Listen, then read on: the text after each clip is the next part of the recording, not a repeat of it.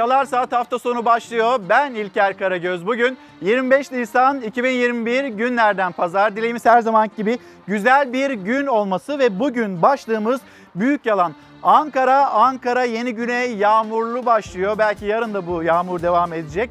Ankara yeni güne yağmurlu başlarken bir yandan da uykusuz gece geçti Ankara'da. Amerika Birleşik Devletleri ve ABD Başkanı Joe Biden'ın 1915 olaylarına yaklaşımı ve soykırım tarımından sonra Ankara'dan peş peşe kınama mesajları geldi. Bu mesajların detaylarına bakacağız ve yine hani o muhalefet, sivil toplum e, kuruluşları, üniversiteler, siyaset onlar hangi cümleleri kurdu? Genel itibariyle yüzyılın iftirası, düşmanlık, yalan, tarihe ihanet ve çarpıtma. Bu ifadeler geldi Ankara'dan ve diplomasi trafiğinin de hızlı aktığı bir gece oldu. Başkent Ankara için büyük yalan başlığıyla bunu konuşacağız. Yani ABD'nin 1915 e, olaylarına yaklaşımını. Yine gazeteler var, gazetelerin yaklaşımları bu olayla ilgili hepsini paylaşacağız. Ve yine koronavirüs gündemini konuşalım istiyoruz.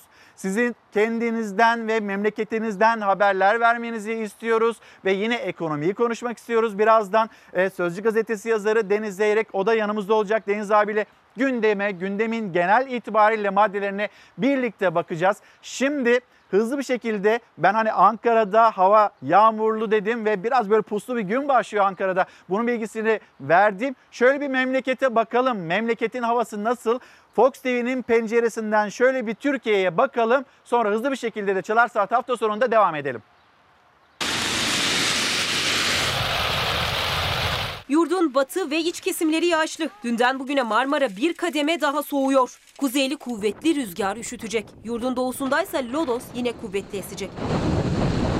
Bugün yurdun en doğusu güne güneşli başlayacak. Gün içinde hava kapatacak. Marmara, Ege, İç Anadolu, Karadeniz ve Akdeniz bölgelerinde sabahtan itibaren yağış ihtimali var.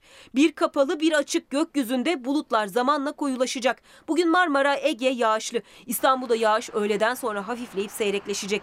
Yer yer kuvvetli sağanaklar görülebilir. Öğleye kadar özellikle İstanbul'un Anadolu yakasıyla Marmara'nın güney illeri, Kocaeli, Sakarya, Düzce ve Karadeniz'in en batısında kuvvetli sağanak geçişlerine dikkat. Yurdun kalan kesimlerinde yağışlar nispeten hafif ve gelip geçici. Marmara'da bugün Poyraz kuvvetlenecek. Hava soğuyor. Uçma, kopma, devrilme risklerinin yanı sıra Poyraz hissedilen sıcaklıkları da düşürecek. Doğu Karadeniz'le Doğu Anadolu'nun en kuzey illerinde ise Lodos fırtınasına dikkat. Pazartesi günü ise batıda gün çok bulutlu, yer yer yağışlı başlasa da hava zamanla açacak. Ege yaklaşık olarak sabah saatlerinde, Marmara ise öğle saatlerinde güneşli gökyüzüne ulaşacak. Sıcaklıklar artışa geçecek. Güneşli gökyüzü ısıtacak. İç Anadolu yağışlı. Aralıklı yağışlar gelip geçerken güneşte görülebilir. Doğu Anadolu'da benzer şekilde bir yağışlı bir parçalı bulutlu gökyüzüyle haftaya başlıyor. Orta ve Doğu Karadeniz'de ise gökyüzündeki yağmur bulutları pazartesi günü daha kalıcı olacağı benziyor. Salı günü ise hemen hemen tüm yurtta hava açıyor. Sıcaklıktaki artış çok daha hissedilir hale gelmeye başlıyor. Bahar havası tam anlamıyla hissediliyor. Önümüzdeki haftanın genelinde hava takvime daha uygun olacağı benziyor. Efendim şimdi hemen bir gazeteler, gazetelerin manşetlerine bakalım. Bugün gazetelerin manşetinde kuşkusuz Amerika Birleşik Devletleri Başkanı Joe Biden'ın almış olduğu karar, Beyaz Saray'dan yapılmış olan o yazılı açıklama var. Şimdi Biden burada yapmış olduğu yazılı açıklamada suçlama değil, tekrarını önleme gibi bir ifadeyi kullandı. O yazılı açıklamasında iki kez soykırım ifadesini kullandı. Aynı zamanda da büyük felaket dedi Osmanlı İmparatorluğunu sorumlu tutan açıklamalarda bulundu. Ama yine de elbette Türkiye'den de o eleştiri cümleleri de peş peşe geldiği yüzyılın iftirası ya da düşmanlık, yalan, tarihe ihanet cümleleriyle bir bakalım hızlı bir şekilde yönetmenimizden Hüseyin Agavuç'tan de rica edeyim. Mesela Cumhuriyet Gazetesi'nin manşeti detaylandırmadan Hüseyin manşet manşet gösterelim gazeteler nasıl gördü. Tarihi çarpıtma dedi mesela Cumhuriyet Gazetesi siyasetçi kimliğiyle tarih yazıcılığına soyunan Biden ifadesi. Hürriyet Gazetesi'ne baktığımızda tümüyle reddediyoruz. Sözcükler tarihi değiştiremez. Dışişleri Bakanlığı'ndan yapılmış olan açıklama ve bu açıklamadan sonra Hürriyet gazetesinde atılmış bir manşet. Biden dışarıdan, HDP içeriden Sabah gazetesinin manşeti bu şekilde idi ve şimdi hani Türkiye'de siyaset, muhalefet, yönetenler onlar itiraz cümleleri kurarken onlardan ayrı düşen bir çizgi HDP'ye aitti ve Sabah gazetesinin manşetinde Sözcü gazetesi yalana da baskıya da boyun eğmeyiz. Sözcü gazetesi 1915 olaylarına soykırım diyen ABD Başkanı Biden'a şunu iyi bil ki diyerek yalana da baskıya da boyun eğmeyiz cümlesini kullandı. Sür manşetten seslendi Karar Gazetesi. Tek kelimeyle popülizm yine Ankara'nın kurmuş olduğu cümlelerden bir tanesi popülizm şeklindeydi. Ve Milliyet Gazetesi, Yeni Çağ Gazetesi, Milliyet Gazetesi'nin manşette Biden tarihe ihanet etti şeklinde geldi. Şimdi hemen bir ABD Başkanı Joe Biden ve Joe Biden'ın 1915 olayları ile ilgili yapmış olduğu o açıklamayı sizlerle paylaşalım. Bakalım. Tarihi gerçekleri alacağı tepkileri bir kenara itti. Biden, Ermeni lobilerinin oylarını çekebilmek için vaat ettiği siyasi hamleyi oynadı. ABD Başkanı Joe Biden 1915 olayları için soykırım dedi. İstanbul yerine de Konstantinopolis hem siyasi hem tarihi bir skandala imza attı. Her yıl bugün Osmanlı dönemi Ermeni soykırımında ölenlerin hayatlarını hatırlıyor ve böyle bir zulmün bir daha meydana gelmemesi için kendimizi yeniden taahhüt ediyoruz. 24 Nisan 1915'ten itibaren Konstantinopolis'teki Ermeni aydınları ve cemaat liderlerinin Osmanlı yetkilileri tarafından tutuklanmasıyla 1,5 milyon Ermeni tehcir edildi, katledildi veya bir imha kampanyasıyla ölüme yürüdü. ABD başkanları 1915 yılı olaylarına ilişkin 1993'ten bu yana her yıl açıklama yapıyor. Geleneği Bill Clinton başlattı. Biden'ın selefleri Obama ve Trump büyük felaket, tehcir ve katliam gibi ifadeler kullanmışlardı. Biden ise daha seçim vaatlerini sıralarken ABD'de büyük bir etkiye sahip Ermeni diasporasına göz kırpmış ve soykırım yalanını siyasi bir koz olarak kullanmıştı. Tıpkı bu terimi ilk kez dillendiren Ronald Reagan gibi. Her yıl bugün Osmanlı dönemi Ermeni soykırımında ölenlerin hayatlarını hatırlıyor ve böyle bir zulmün bir daha meydana gelmemesi için kendimizi yeniden taahhüt ediyoruz. 10 yıllar boyunca Ermeni göçmenler Amerika Birleşik Devletleri'ni sayısız şekilde zenginleştirdiler. Ancak atalarının çoğunu kıyılarımıza getiren trajik tarihi asla unutmadılar. Hikayelerini onurlandırıyoruz. O acıyı görüyoruz. Tarihi onaylıyoruz. Bunu suçlamak için değil, olanların asla tekrarlanmamasını sağlamak için yapıyoruz da dedi konuşmasında. Ama Ankara ve Washington arasında yeni bir krizin de kapısını açtı. Tarih başka gerçekler yazarken, Türkiye'deki Ermeni cemaati bizi politikaya malzeme yapmayın derken, iki ülke arasında F-35 programı, Rusya'dan S-400 alımı, hatta terör örgütleri PKK ve FETÖ'ye açıktan verilen destekler sebebiyle ciddi sorunlar yaşanırken, bu zincire bir halka daha eklemekten çekinmedi. Şimdi Cumhuriyet Gazetesi, Cumhuriyet Gazetesi'nin manşeti tarih çarpıtma. Yani az önce manşet manşet gazetelerden hepsini bir aktarmaya çalışmıştık. Böyle detaylandıralım da istiyoruz. Tarih çarpıtma, manşet, Tarihi tarihçileri bırakmayan Washington, komşu ülkeler Türkiye ile Ermenistan arasındaki gerilimi körükleyecek bir adım daha attı.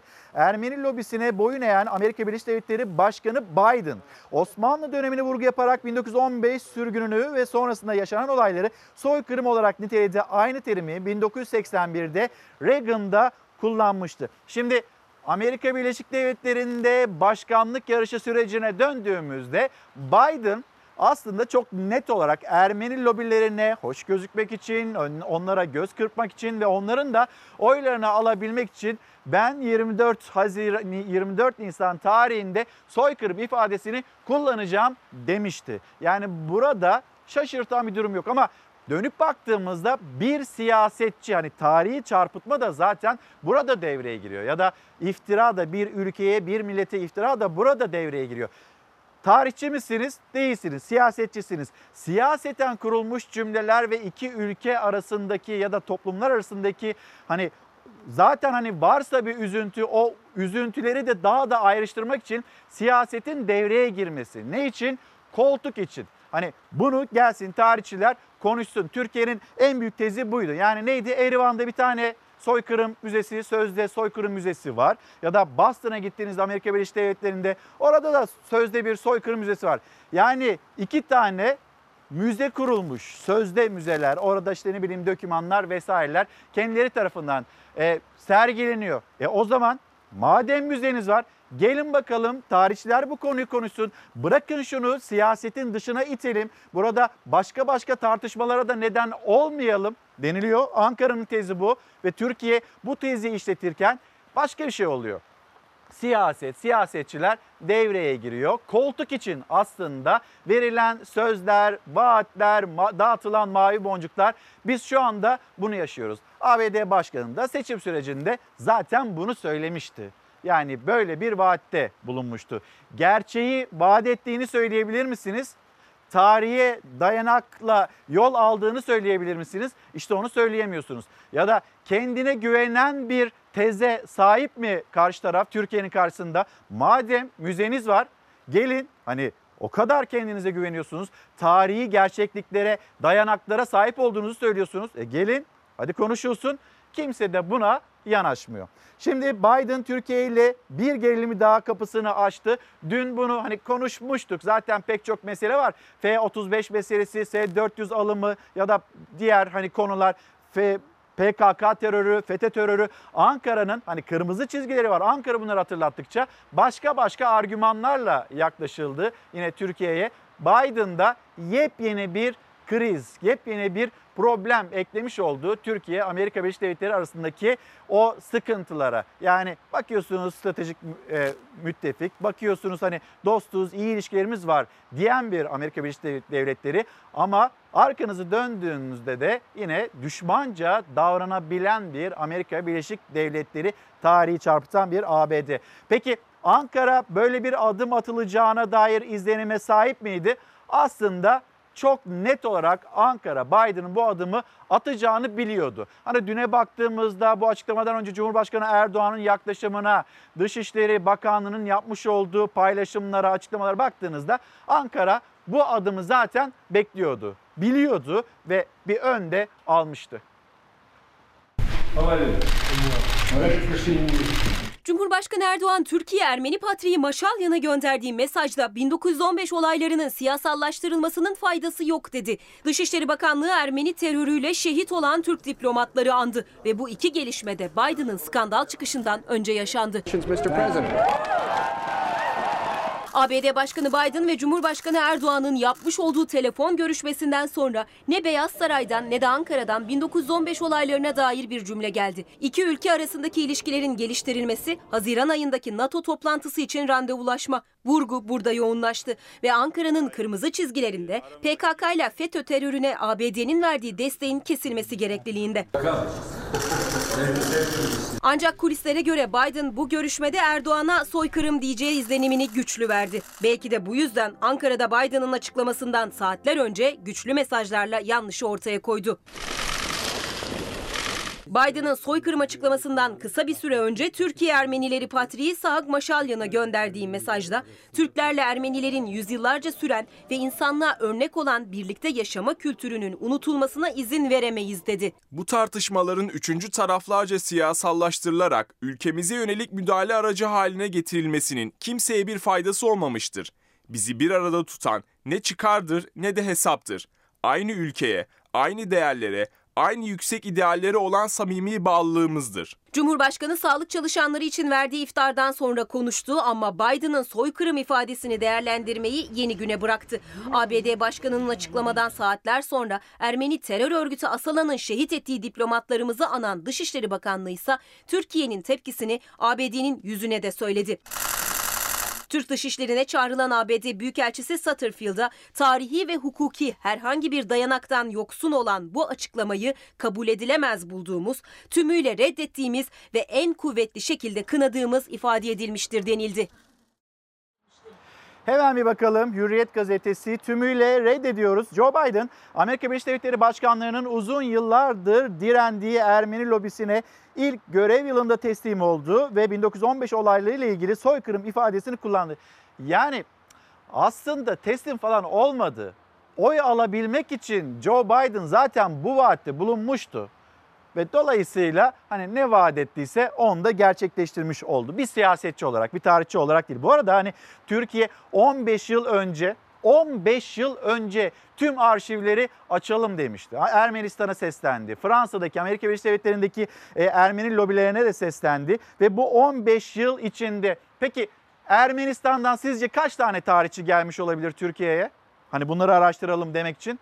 Sadece 4 tarihçi geldi. Ne Fransa'dan tarihçi geldi bu tezi savunan ne Amerika Birleşik Devletleri'nden hani orada da bir tane müze var ya sözde müze. Oradan da tarihçi gelmedi. Türkiye gayet açık. Hadi gelin bendeki arşivler bunlar ya da belgeler bunlar. Sizde ne var? 4 tane tarihçi geldi Ermenistan'dan. Kimse bu konunun öyle araştırılmasını falan istemiyor. Kimse gerçeğe yaklaşmak istemiyor. Ben bunu siyaseten nasıl kullanırım onun peşinde. Joe Biden da yaptığı böyle bir şeydi. Ve yine e, Türkiye, Türkiye'den gelen eleştiri cümleleri onlar Hürriyet gazetesinde yer alıyor. Geleceği birlikte kuralım. Cumhurbaşkanı Erdoğan Biden'ın açıklamasından önceki saatlerde Türkiye Ermeniler Patri Maşalyan'a mesaj gönderdi.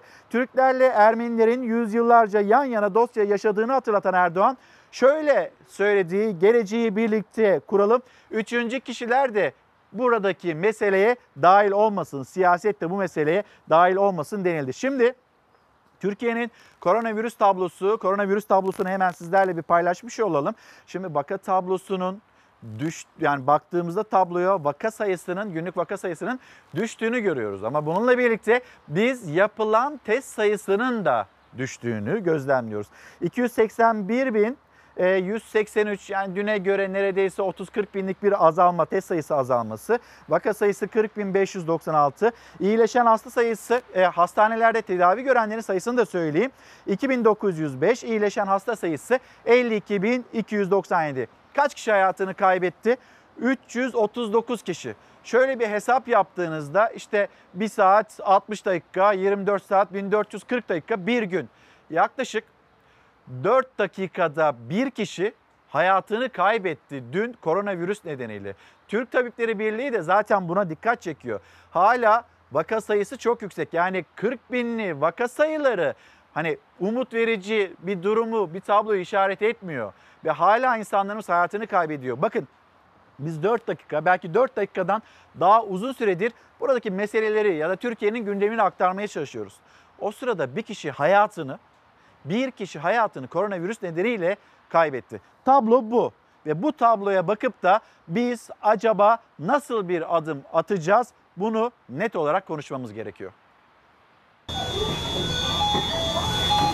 50 bin öyle düşük ya da düştüğü için övünülecek bir rakam değil. Test sayıları artsa daha fazla sayıda hastaya ulaşılabilir. Rahat nefes alabilmek için yine binli rakamları görmek durumundayız. Vaka sayılarında yaşanan hızlı gerileme bilim insanlarına göre hala yeterli değil. Normalleşmenin başladığı 1 Mart'ta vaka sayıları 9891'di. 23 Nisan'da 5 kat artışla 49438'e yükseldi. Son 24 saatte ise birden neredeyse 10 bin kişi düştü. 40.596 oldu. 1 Mart'ta hayatını kaybeden 69 kişi varken dün bu sayı 339 oldu. Sağlık Bakanı'na göre İstanbul'da vaka sayılarında %20 düşüş var. İçinde bulunduğum gün de dahil acil servisler dolu.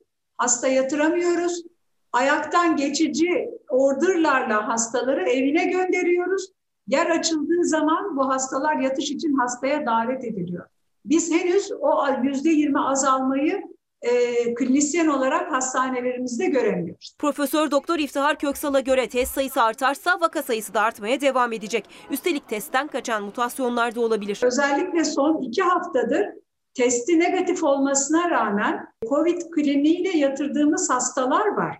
Eğer bunu saatlerdeki geriye çekilmeye bağlayacaksak e, bu kadar fark ediyorsa e, neden tam kapanmıyoruz diye de sormak lazım. Madem ki iki saat bile bu kadar fark ettiriyor ise demek ki tam kapandığımız zaman biz e, virüsü bayağı az sayılara indirmiş olacağız vaka sayısını. Ağır hasta sayısındaki artış devam ediyor. 1 Mart 23 Nisan arasında ağır hasta sayısında tam %186 oranında artış oldu.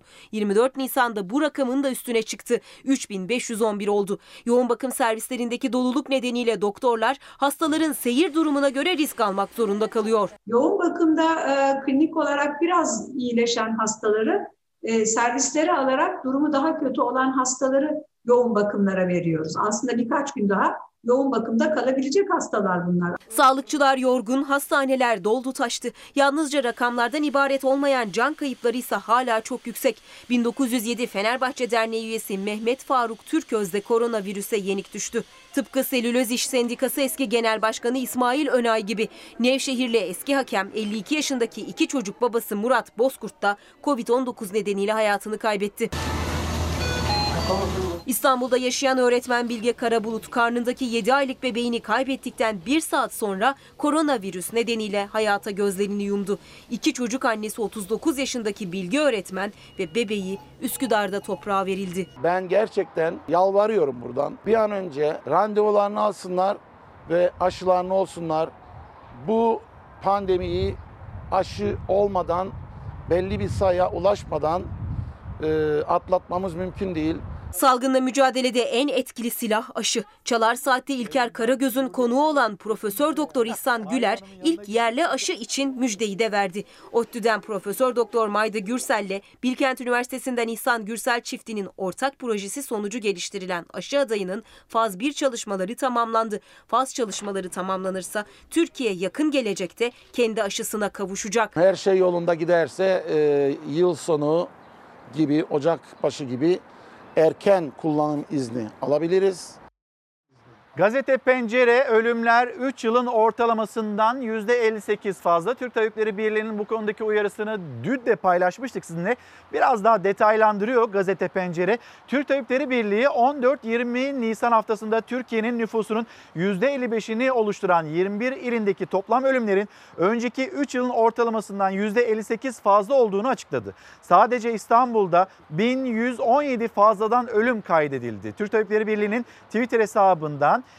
iki istatistikle yapılan paylaşımda bu kentlerin nüfusu ve e, insidansına göre Türkiye'ye projeksiyonu yapıldığında günlük ortalama fazla ölüm sayısının 500 ettiği, aynı dönemde açıklanan resmi COVID-19 günlük ortalama ölüm sayısının 308 olduğu belirtildi. Paylaşılan tabloda İstanbul'da son haftada 1117 fazladan ölümün önceki 5 yıl ortalamasından %80 fazla olduğunu belirtiyor. Tabipler uyarılarına devam ediyor. Yani vaka sayısı düştü diye kimse sevinmesin. Hastanelere baktığınızda biz hani hekimler, sahada olanlar, serviste olanlar ve burada e, COVID hastalarına müdahale etmek için mücadele verenler. Biz burada o vaka sayısının azaldığını falan görmüyoruz diyorlar. O yüzden biz de hatırlatmış olalım. Karar gazetesine döndüğümüzde tek kelimeyle popülizm. Biden Biden seçim vaadini yerine getirmek için 24 Nisan açıklamasında soykırım iddiasına yer verdi. Tarihi gerçeklere ve ittifaka, ittifak hukukuna aykırı yaklaşım zorlu süreçten geçen Türk-ABD ilişkilerinde baltaladığı kriz adımına Ankara'dan tepki yağdı. Yani hala bir müttefiklik cümleleri kuruluyor. Hani diplomatik olarak belki bu cümleler kurulmalı. Hani buna bir itiraz yok kuşkusuz ama stratejik müttefikliğe, dostluğa uygun adımlar geliyor mu Amerika Birleşik Devletleri'nden? İşte o gelmiyor. Şimdi Sözcü gazetesinden Deniz Zeyrek de Deniz abi de geldi e, terasa. Bütün korkusunu da yenerek yeniden terasa çıktı. Az sonra değerlendireceğiz kendisiyle. Bu arada hani ABD, ABD'nin atmış olduğu bu adımın nasıl bir etkisi olabilir ki? Hukuki bir dayanağı var mı? Türkiye'nin karşısına hangi durumlar, tablolar çıkabilir? Bir yandan da bu tartışmalar da devam ediyor. Şimdi hemen şöyle biraz daha geriye doğru gittiğimizde, aylar öncesine, yıllar öncesine doğru gittiğimizde Amerika Birleşik Devletleri Orta Doğu'da yine kriz çıkartan bir adım atmıştı e, ve Büyükelçiliğini Kudüs'e taşımıştı. Orada Orta Doğu'da büyük de tepki çekmişti. ABD bir adım attı. ABD'nin attığı adımdan sonra pek çok ülke de ABD'nin bu yaklaşımına yakın adımlar sergiledi ve büyükelçiliklerini buraya Kudüs'e taşıdılar. Yani ABD bir adım atıyor, dünya onu takip ediyor. ABD'nin attığı adım hani mesela 1915 olaylarıyla ilgili kurmuş olduğu cümleler ya da sergilemiş olduğu yaklaşım önümüzdeki süreçte neye sebep olabilir? Yani hiçbir şeye sebep olmasa ABD ile birlikte adım atmaya çalışan ülkeler var. Belki de yine ABD yönetimine hoş gözükmek için onları da yine tetikleyebilir. Bunun sonuçları ne olacak az sonra konuşacağız. O zaman hani İsrail'den bahsettik. İsrail'in devlet teröründen de bahsedelim. Şimdi sizleri e, İsrail'e götürelim. Karar gazetesinde de yer alan bir haber. Rutin rutin zulüm şeklinde ve işte o rutin zulüm.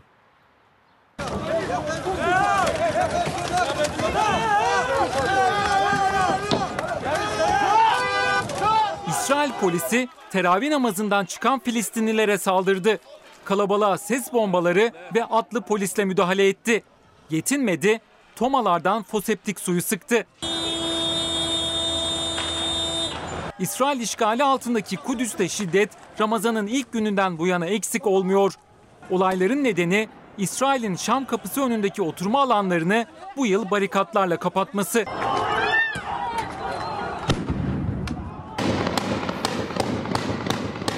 Buna tepki gösteren Filistinliler her gün olduğu gibi dün de Mescid-i Aksa'da kılınan teravih namazı sonrası alanda toplandı. Hem yasa hem de ilk günden bu yana süren İsrail şiddetini protesto etmeye başladı. İsrail güçlerinin müdahalesi sert oldu. Atlı polisler namazdan çıkan kalabalığın arasına daldı. Filistinlileri dağıtmak için ses bombaları ve göz yaşartıcı gazla saldırdı. Filistinliler ise sokaklara barikatlar kurup ateşe verdi. Polisin orantısız güç kullanımına taş ve havai fişeklerle direnmeye çalıştı.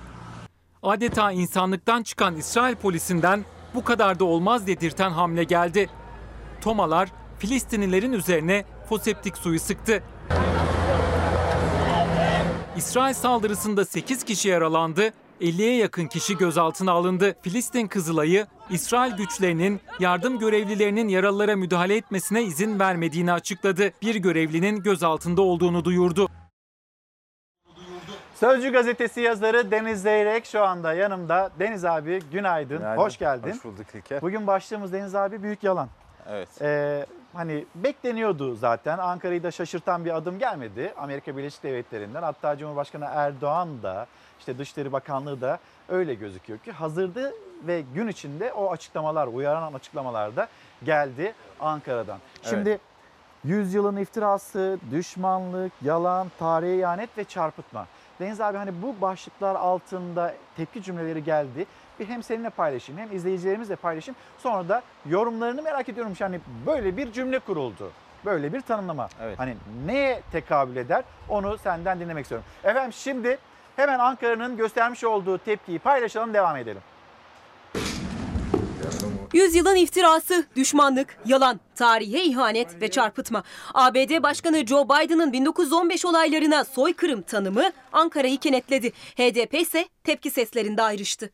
Washington'dan skandal açıklama gelir gelmez ilk sert çıkış Dışişleri Bakanlığı'ndan ve Dışişleri Bakanı Mevlüt Çavuşoğlu'ndan geldi. Çavuşoğlu sözcükler tarihi değiştiremez, yeniden yazamaz dedi. Cümlelerin devamını daha ağır getirdi. Tarihimiz hakkında kimseden ders alacak değiliz. Siyasi fırsatçılık, barış ve adalete karşı en büyük ihanettir. Tek dayanağı popülizm olan bu açıklamayı tümüyle reddediyoruz. Ve peş peşe geldi kınama ve red açıklamaları. Cumhurbaşkanlığı sözcüsü İbrahim Kalın tek gündemi ülkemize düşmanlık olan çevrelerin iftiralarını tekrar eden ABD Başkanı'nın açıklamasını şiddetle kınıyor ve reddediyoruz dedi.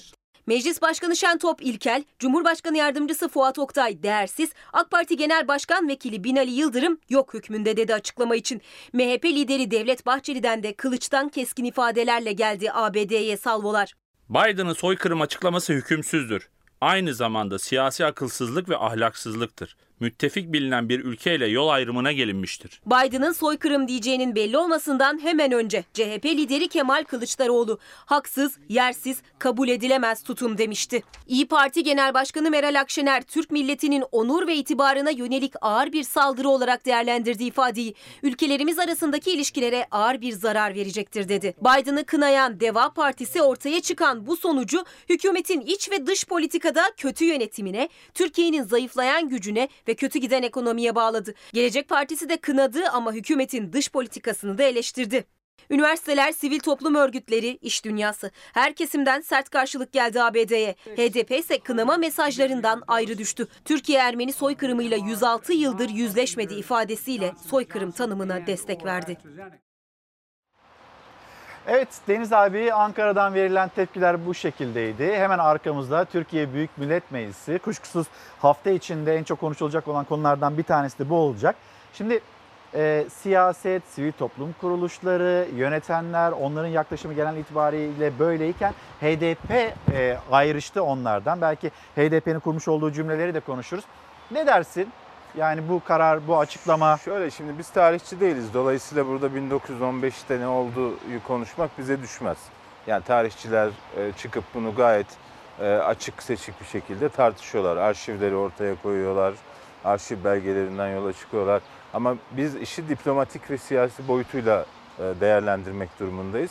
Bir kere Türk-Amerikan ilişkilerinde yıllardır böyle bir şey yaşanmadı. Yani 1981'de Ronald Reagan e, bu, bu ifadeyi kullandı diyorlar ama evet. orada şöyle bir şey var. Esas açıklama Yahudi soykırımı ile ilgili. Bir, bir yerinde diyor ki işte e, Ermenilere yapılan soykırım, Kamboçya'da yapılan soykırım gibi gibi bir şey var. Yani böyle çok ayakları yere basmayan bir cümle içinde geçirme var. Tam da karşılığını bulmuyor yani. Yani direkt hedef alan bir açıklama Evet. değil. Bu 24 Nisan günü yani e, o 1915'te 24 Nisan tarihli bir belge nedeniyle bugünü esas alıyorlar. E, tehcir belgesi e, o gün çıktığı için o günü e, dikkate alıyorlar. E, o gün yapılmış olması, sırf bu konuyla ilgili yapılmış olması ve bu ifadenin kullanılmış olması bence bir ilk. Yani Amerikan tarihinde de bir ilk. Yani Ronald Reagan'ınkiyle kıyaslanamayacak kadar şey bir ilk. Şimdi orada Türkiye'yi yatıştırmak için, Türkiye'yi sakinleştirmek için şöyle bir yola başvurmuşlar. İşte Osmanlı zamanında, Osmanlı döneminde yaşanan soykırım demişler. Yani genç Türkiye Cumhuriyeti'nin bununla bir ilgisi yoktur demeye getirmişler ama Yok ya size demedik. Ha yani hatta e, İstanbul yerine Konstantinopol ifadesini kullanıyorlar. Orada da bir cehalet var. Orada da zannediyorlar ki İstanbul Cumhuriyet kurulduktan sonra İstanbul oldu. Onun için hani e, Konstantinopol diyor. Yani ne İstanbul ne şey hani Tür- Türkiye Cumhuriyeti Osmanlı ve onun başkenti Konstantinopol. Halbuki 1453'ten beri İstanbul'a İstanbul deniyor. Ee, öyle değil mi? Evet. Şimdi bu bu cehalet şey bunları bir araya getirdiğinde kabul edilemez bir şey bu. Ama e, diplomatik ilişkiler açısından da çok alttan alınacak bir şey değil. Yani e, açıklamalar falan çok sert şey ama bence alttan alıyor şu anda Türkiye. Yani Türkiye ne yapar, ne yapabilir, ne bileyim incirliği, küreci yeniden böyle Ya hiç öyle bir- getirebilir mi? Şimdi hiç öyle bir hava görmüyorum ben. Yani farkındaysan Büyükelçi çağrıldı. En sert şekilde tepkimizi gösterdik. E, sert açıklamalar yaptık.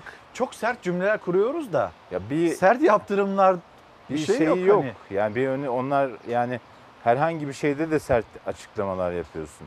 Ya Burada Amerikan başkanı bu konuyla ilgili resmi bir açıklama yapıyor ve e, Türklerin tarihinde soykırım e, işlediğine dair bir çok net bir ifade kullanıyor. Yani Osmanlı diyor ama yani e, Türkleri suçluyor. Bu, bu bizim tarihimiz değil mi? Yani iktidar e, Osman şu anda hatta Cumhuriyeti neredeyse reklam arası gibi görüyorlar. Asıl Osmanlı'nın tarihine sahip çıkıyorlar. İşte TRT'ye bakıyorsun bütün dizilerde Osmanlı vesaire. Yani son padişah neredeyse kahraman ilan edilecek yani yaptıklarına rağmen. E şimdi bu, buna rağmen Burada da hani tarihçiler anlatsın diyelim o zaman. Yani hani böyle senaryolar kurulmasın, seçim vaatleriyle böyle mavi boncuklar dağıtılmasın. Gerçek neyse, tarih neyse hani böyle bir yoldan ilerlensin diyelim bari. E, öyle ama yani ben şunu anlamakta zorlanıyorum İlker. Yani Amerika Birleşik Devletleri Türkiye'yi e, Türkleri soykırımla suçluyor ve biz bunu Büyükelçiyi dış işlerine çağırdık. Sert açıklamalar yaptıkla geçiştiriyoruz. Yani Kudüs biraz önce sen anlattın ya Kudüs'ü e, başkent olarak gördüler. Büyükelçiliklerini taşıdılar. O zaman bile daha büyük kıyamet kopmadı mı? Doğru. Değil mi? Yani Kudüs, Kudüs yani Kudüs Amerika'nın büyükelçilik açmasından daha mı hafif bir şey bu? Şimdi dün gün içinde Cumhurbaşkanı'ndan açıklama geldi. Bugün acaba hani ne söyleyecek diye Abi herkes ben ona bakıyor. açıklamalara Yani bakmıyorum İlker. Ben yaptırım ne ne yapıyor ne adım Türkiye atılacak? ona? Deniz benim abi benim gördüğüm şu dış işlerinden, e, hükümet çevrelerinden bir yatıştırma çabası var. Yani diyorlar ki bakın zaten işte Osmanlı dönemi ifadesini kullanarak şey yaptılar vesaire falan gibi. E, onlarla böyle gazetecileri falan e, yani hükümete yakın gazetecileri falan böyle şey hani alttan alın. Zaten ilişkilerimiz kötü daha da kötü olmasın. Köprüleri Amerika ile atmayalım falan gibi bir eğilim var ama e, Sayın Bahçeli çok net bir açıklama yaptı. Yani bakalım bu kez e, koalisyon ortağını dinleyecekler mi? Yani çok e, hakikaten bu bununla kalırsa ben şa- şaşarım yani. Hani Türkiye'nin tepkisi şu ana kadar ortaya çıkanla kalırsa e, anlarım ki Türkiye gerçekten Amerika'yı kaybetmek istemiyor. Amerika'da istediği gibi o zaman Amerika'nın Türkiye'ye o cümleleri kurabilen bir ülke değil. haline gelir. Yani diplomasimiz bu hale gelmiş vaziyette. Ee, Türkiye Amerika için vazgeçilmez bir müttefikti eskiden. Demek ki vazgeçilebilir hale gelmiş. Ya da istihbaratı şuyu buyu önceden hazırlık yapmış efendim siz bu ifadeyi kullanın Türkler şu anda kıyameti koparacak durumda değildir diye bir rapor vermişlerdir ya da yani e, görünen Köy. köy kılavuz istemez yani şu baktığın zaman şeye. Ya inanılmaz bir şey ya her şey için büyükelçi çekiyorsun. Buradaki büyükelçiyi gönderiyorsun. Git evine diyorsun. Ee, bu burada böyle bir şey. Ya adam se- senin atana dedene soykırımcı diyor. Soy hani bize şimdi bazen şey tepki gösteriyorlar. Ya 1915'te e, ki Ermeni nüfusuyla bugünkü e, arasındaki fark ne peki vesaire. Ya bunu biz bunu şu anda tartışmıyoruz. Yani o zamanki yaşananları tarihçiler kendi aralarında tartışırlar. işin aslını ortaya koyarlar. Ortak acılar var. Ermenilerin de yaşadığı acılar var ama ben Kars'ta doğmuş büyümüş Evet. biri olarak Türklerin de yaşadığı acılar var. Ya bu, bu acılar ortak acılar. Bunları konuşmak başka bir şey ama diplomasi açısından, siyaset açısından konuşmak başka bir şey. Deniz abi şimdi bir molaya gidelim herhalde Hüseyin mola vaktimiz de geldi. Molaya gidelim döndüğümüzde Uluç Gürkan'ın Buradan nereye gideceğiz? sosyal medya buradan hiçbir yere bu arada büyük bir cesaretle geldin. Hani konu o kadar sıcak ki buranın yüksekliğine kapılamadın. Durum ne şu anda? İyi, Korku yok. Bak mesafe var yani. Tamam iyi bari. Deniz abi şimdi Uluç Gürkan'ın sosyal medya üzerinden yapmış olduğu değerlendirmeler var. Yine Namık'tan hani Türkiye'nin Amerika Birleşik Devletleri'nde büyükelçiliğini yapmış bir isim. Onun hani buradaki diplomatik anlamda yaklaşıma eleştirileri var. Yine sosyal medyada hangi cümleler kuruldu? Mesela duayen gazeteci Uğur Dündar. Onun bir tanımı var. İşte 4T tanıtma, tanınma, tazminat, toprak talebi. Hani iş buraya gider mi gitmez mi? Bir mola verelim. Ya buraya gidemez Türkiye yani. Dur abi, dur abi. Tamam son cümle söyleyeyim. Söyle. Yani bu öyle siyasetle iktidarla olacak şey değil. Bu milletle ilgili bir şey. O oraya gitmez. O zaman şimdi hükümet alttan alıyor olabilir ama millet oraya, o noktaya gittiğinde çok alttan almaz yani. Ee, şimdi o zaman hemen bir mola verelim. Molanın dönüşünde buluşalım. Günaydın bir kez daha. Çalar Saat hafta sonu devam ediyor. Sözcü gazetesi yazarı Deniz Zeyrek'le birlikte. Deniz abi bir haber daha var. Hani bu durumla ilgili ABD'nin atmış olduğu adımla ilgili Ankara ve Bakü arasında da bir diplomasi trafiği yaşandı. ABD Başkanı Biden'ın yapmış olduğu açıklamadan sonra 1915 olaylarına soykırım tanımı getirmesinden sonra iki ülke Azerbaycan ve Türkiye ne konuştu? Hemen bir aktaralım devam edelim.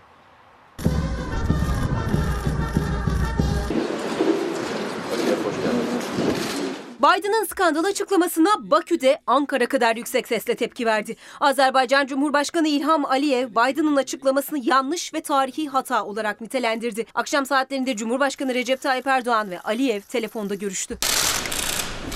Ermenistan'la yıllar süren anlaşmazlığın, yıllar boyunca Azeri halkının çektiği acıların ve geçen yıl deyim yerindeyse göğüs göğüse verdikleri mücadelenin ardından Azerbaycan Biden'ın açıklamasına tepkili. Cumhurbaşkanlığından yapılan açıklamada 1915 olayları ile ilgili tarihi gerçeklerin çarpıtılmış olmasının esef verici olduğu belirtildi. Sözde soykırımı siyasileştirerek gündeme getirenlerin aynı dönemde Ermeni çetelerce 500 binden fazla insanın katledilmesine, Mart 1918'de Bakü ve Azerbaycan'ın diğer bölgelerinde Ermeni taşnaklarının gerçekleştirdiği katliamlara sessiz kaldığı hatırlatıldı. Akşam Cumhurbaşkanlığı İletişim Başkanlığı'ndan yapılan açıklamaya göre Erdoğan ve Aliyev görüşmesinde son gelişmeler ışığında Türkiye ve Azerbaycan olarak hangi ortak adımların atılabileceği hususunda fikir teatisinde bulunuldu. Erdoğan ve Aliyev arasında da böyle bir diyalog kuruldu akşam saatlerinde. Deniz abi şimdi hani e, az önce de sorduğum bu 4T tanıma, tanınma, tazminat, toprak talebi hani böyle bir şeyle karşılaşır mıyız? Karşılaşmayız Hayır, hayır, diyorsun. şu- onlar ister canım. Yani Uğur Dündar, Uğur abinin yazdığı şey doğru. Böyle bir şey var. Tabii onların Yani beklentisi, Ermeni- isteği. Evet Ermenistan. Sigorta şirketleri hazır zaten bekliyorlar ellerinde dosyalarla. Evet Ermenistan'ın ve e, dışarıdaki Ermeni e, diasporasının böyle bir e, çabası var bu yıl- yani 100 yıldır e, bu konuda adımlar atıyorlar ama yani toprak talep etmek şey yapmak falan yani ne olacak? Bizim de o tarafta e, şeylerimiz var, mülklerimiz var. Biz onları nasıl alacağız? Biz de oradan bu tarafa göç etmişiz. Yani e, Birinci Dünya Savaşı'nda yaşanmış şeyler e, 100 yıl sonra, 106, 107 yıl sonra bunun hesabını yapmaya kalkarsa iyice işi çığırından çıkarır Amerika. Yani biraz öyle bakmak lazım. Bunların hepsine neden olan bir ABD ve ABD yönetimiyle Evet karşı yani ben karşıyayız. mesela hani e, diyorum ya tarihçiler bunları tartışır ama siyaseten net olmak lazım. Yani mesela HDP'nin açıklamasında da e, diyor ki bununla yüzleşin.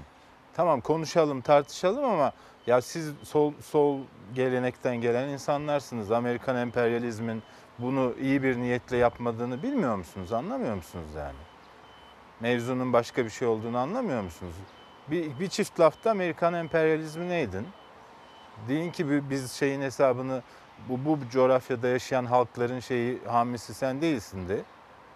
Biz kendi aramızda konuşuruz hallederiz de mesela. Yani doğrudan Türkiye'yi suçlamaya e, şey yapmak da doğru bir tavır değil. Ama hükümetin de bak hükümet de şunu yapıyor. Dünden beri bakıyorum ya ortada ciddi bir diplomatik başarısızlık var. Yani Deniz abi o zaman hani bürokratlar hani monşer denilen de böyle biraz da uzaklaştırılan hani bürokratlar onlar ne dedi bu yaşananla ilgili? Hemen bir okuyayım. Cü- Cümlemi tanım Peki, tamamlayayım. Ee, yani bir diplomatik başarısızlık var. Kimse bunu konuşmuyor hükümet cenahında. Herkes şey e, HDP işte CHP'nin desteklediği HDP baş ya HDP'nin açıklamasını HDP seçmeni değerlendirir. Ben ona bakmam. Ben Türkiye'nin ne yaptığına bakarım. Biz bunu konuşmak zorundayız yani.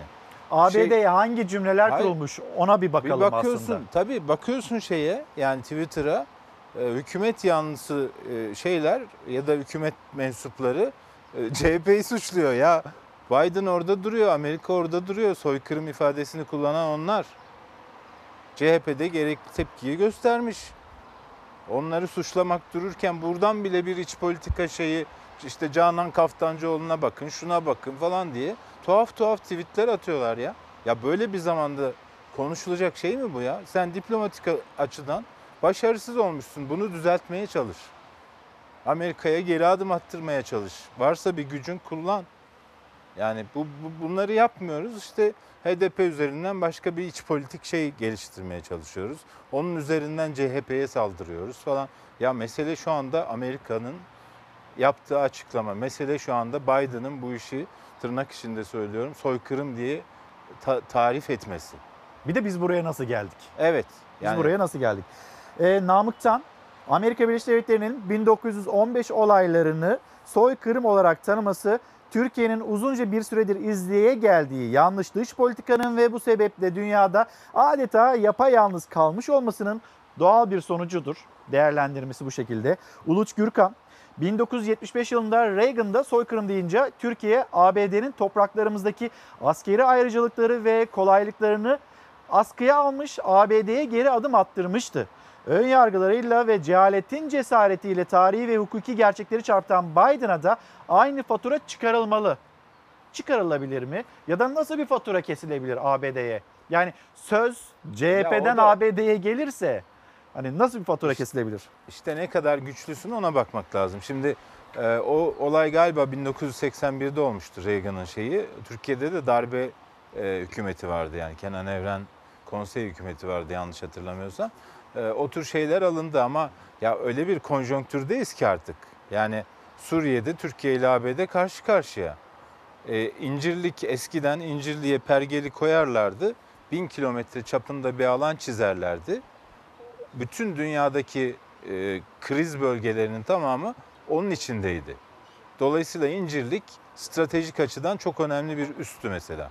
İncirliği kapatmak ABD'ye ciddi bir ceza vermekti. Ya da aynı dönemde komünizm vardı, Doğu bloku vardı, Varşova Paktı vardı. Karşısında da NATO vardı ve Türkiye NATO'nun en kritik ülkesiydi. Türkiye'yi kaybetmek istemiyorlardı. Şimdi son 11 senede e, izlenen dış politikayla zaten Türkiye bu şeyini kaybetti. Türkiye yaptırım gücünü kaybetti Batı'ya karşı. Yani artık şu anda elimizde ne var biliyor musun Batı'ya Ne var karşı? Deniz abi? Bir tek göçmenler var. Kapıyı açarım gönderirim. AB'ye karşı. Evet, yo yo Batı'ya karşı işte. Kapıyı açarım. Bunun dışında hiçbir şeyi yok. Yani ben mesela atıyorum İncirliği kapatırım. Kapattığında Erbil'i kullanıyor, Haseke'yi kullanıyor. Bölgede de- işte şimdi Yunanistan'a dibimize Edirne'nin dibine Amerikan üssü kuruluyor. Şimdi bunların hepsini biz e, toplam bir yani büyük bir fotoğraf olarak değerlendirmeliyiz. Biz niye bu hale geldik? Niye müttefiklerimize sözümüz geçmiyor? Niye bizi din Tamam herkes bize düşman. Ama kardeşim bizim de hiç gücümüz yok mu bunlara dur diyecek? Ne, neden bu hale geldik? Neden hiçbirini engelleyemiyoruz? Ya bunu, bunların konuşulması lazım. Türk dış politikasının masaya yatırılması lazım İlker.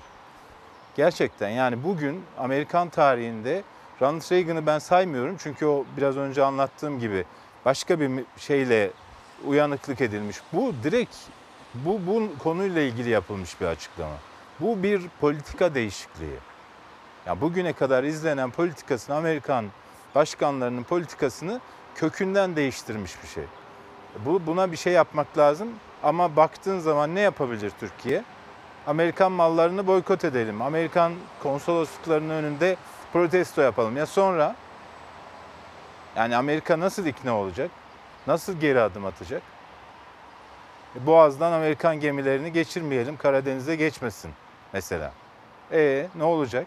Yani Türkiye diplomasideki e, gücünü, o soft power dediği şeyi son dönemde çok kaybetti. E, Amerika ile de herhalde askeri hani hard power'ın devreye gireceği bir e, konuma da gelmeyiz herhalde. E, dolayısıyla da ben bu işin sanki biraz yatıştırılacağı e, eğilimini e, gözlemliyorum. Yani Ankara önümüzdeki günlerde bu işi yatıştıracak. Amerika ile ipleri iyice atmayalım, köprüleri hepten atmayalım diye bir politika izleniyor. Deniz abi şimdi hani bu konuyu yine konuşmaya devam edeceğiz. Yani önümüzdeki Çok hafta, konuşuluyor bu. önümüzdeki hafta sonunda ve ilerleyen günlerde ABD, ABD'nin tavrı, Türkiye'nin karşısına ne çıkar, ne çıkmaz, Türkiye nasıl yanıt verir, nasıl yanıt verdi ya da ne yapması gerekiyordu. Bu böyle siyaseten de çok çok konuşulacak. Şimdi başka başlıklar da var. Bugün biraz vaktim varsa Var hani gündeme bakalım, gazetelere bakalım. Ee, ondan sonra mesela 128 milyar dolar meselesini konuşalım. Türkiye'nin dış politikasını konuşurken bir tarafta diğer hani konuları da ıskalamayalım. Ekonomiyi konuşalım. Mesela hani Ruslar Pekcan kabinede bir değişiklik oldu. Bu kabinede değişiklik devam eder mi etmez mi? Ruslar Pekcan neden gitti? Hani onun yapmış olduğu ona ait olan şirketin onun bakanlığıyla yapmış olduğu o alışveriş ne kadar doğru ya da bununla ilgili ne çıkar? Kripto paralar meselesi var ve yine kadın bir bakan, aile bakanı yeni geldiği ilk icraatında e 10 yaşında bir çocuk e, bir yandan hani Ramazan dedi, çikolata vermedi. Diğer yandan ya o çocuğu kalbini kırdı aslında. Bütün herkes de ayağa kalktı. Nereden başlamak istersin? O haberi vereceğim. Sondan başlayalım. Sondan başlayalım. O zaman Hüseyin senden rica edeceğim. E, aile Bakanı e, onun e, çocukla bir 10 yaşında çocukla yan yana geçtiği bir haberi paylaşalım devam edelim. Tabii Ramazan olduğu için bir şey ikram edemedik. Biraz önce sözleştik biz. Ramazan'dan sonra koruma evinde kaldığı 5 arkadaşıyla beraber bize misafir olarak gelecek. Çikolata ve çay hakkımızı o zaman kullanacağız. Gerekçesi ne olursa olsun bir çikolatayı esirgiyor olması vicdanla ve insafla açıklanamaz. Yine aileden sorumlu bakanın koruma altında olan bir çocuğun ismini ve yüzünü ve koruma kararında olduğunu ifşa etmesi de önemli bir sorumsuzluk örneğidir. Devletin korumasını aldığı koruma evinde kalan 10 yaşında bir çocuk ve yaptığı gafla hatta yasalara aykırı sayılan bir tutumla o çocuğun kimliğini ifşa eden, üzerine bir de Ramazan'ı gerekçe gösterip çikolata çay ikram edemiyoruz diyerek bayram sevincini kursağında bırakan aileden sorumlu yeni bakan Derya Yanık.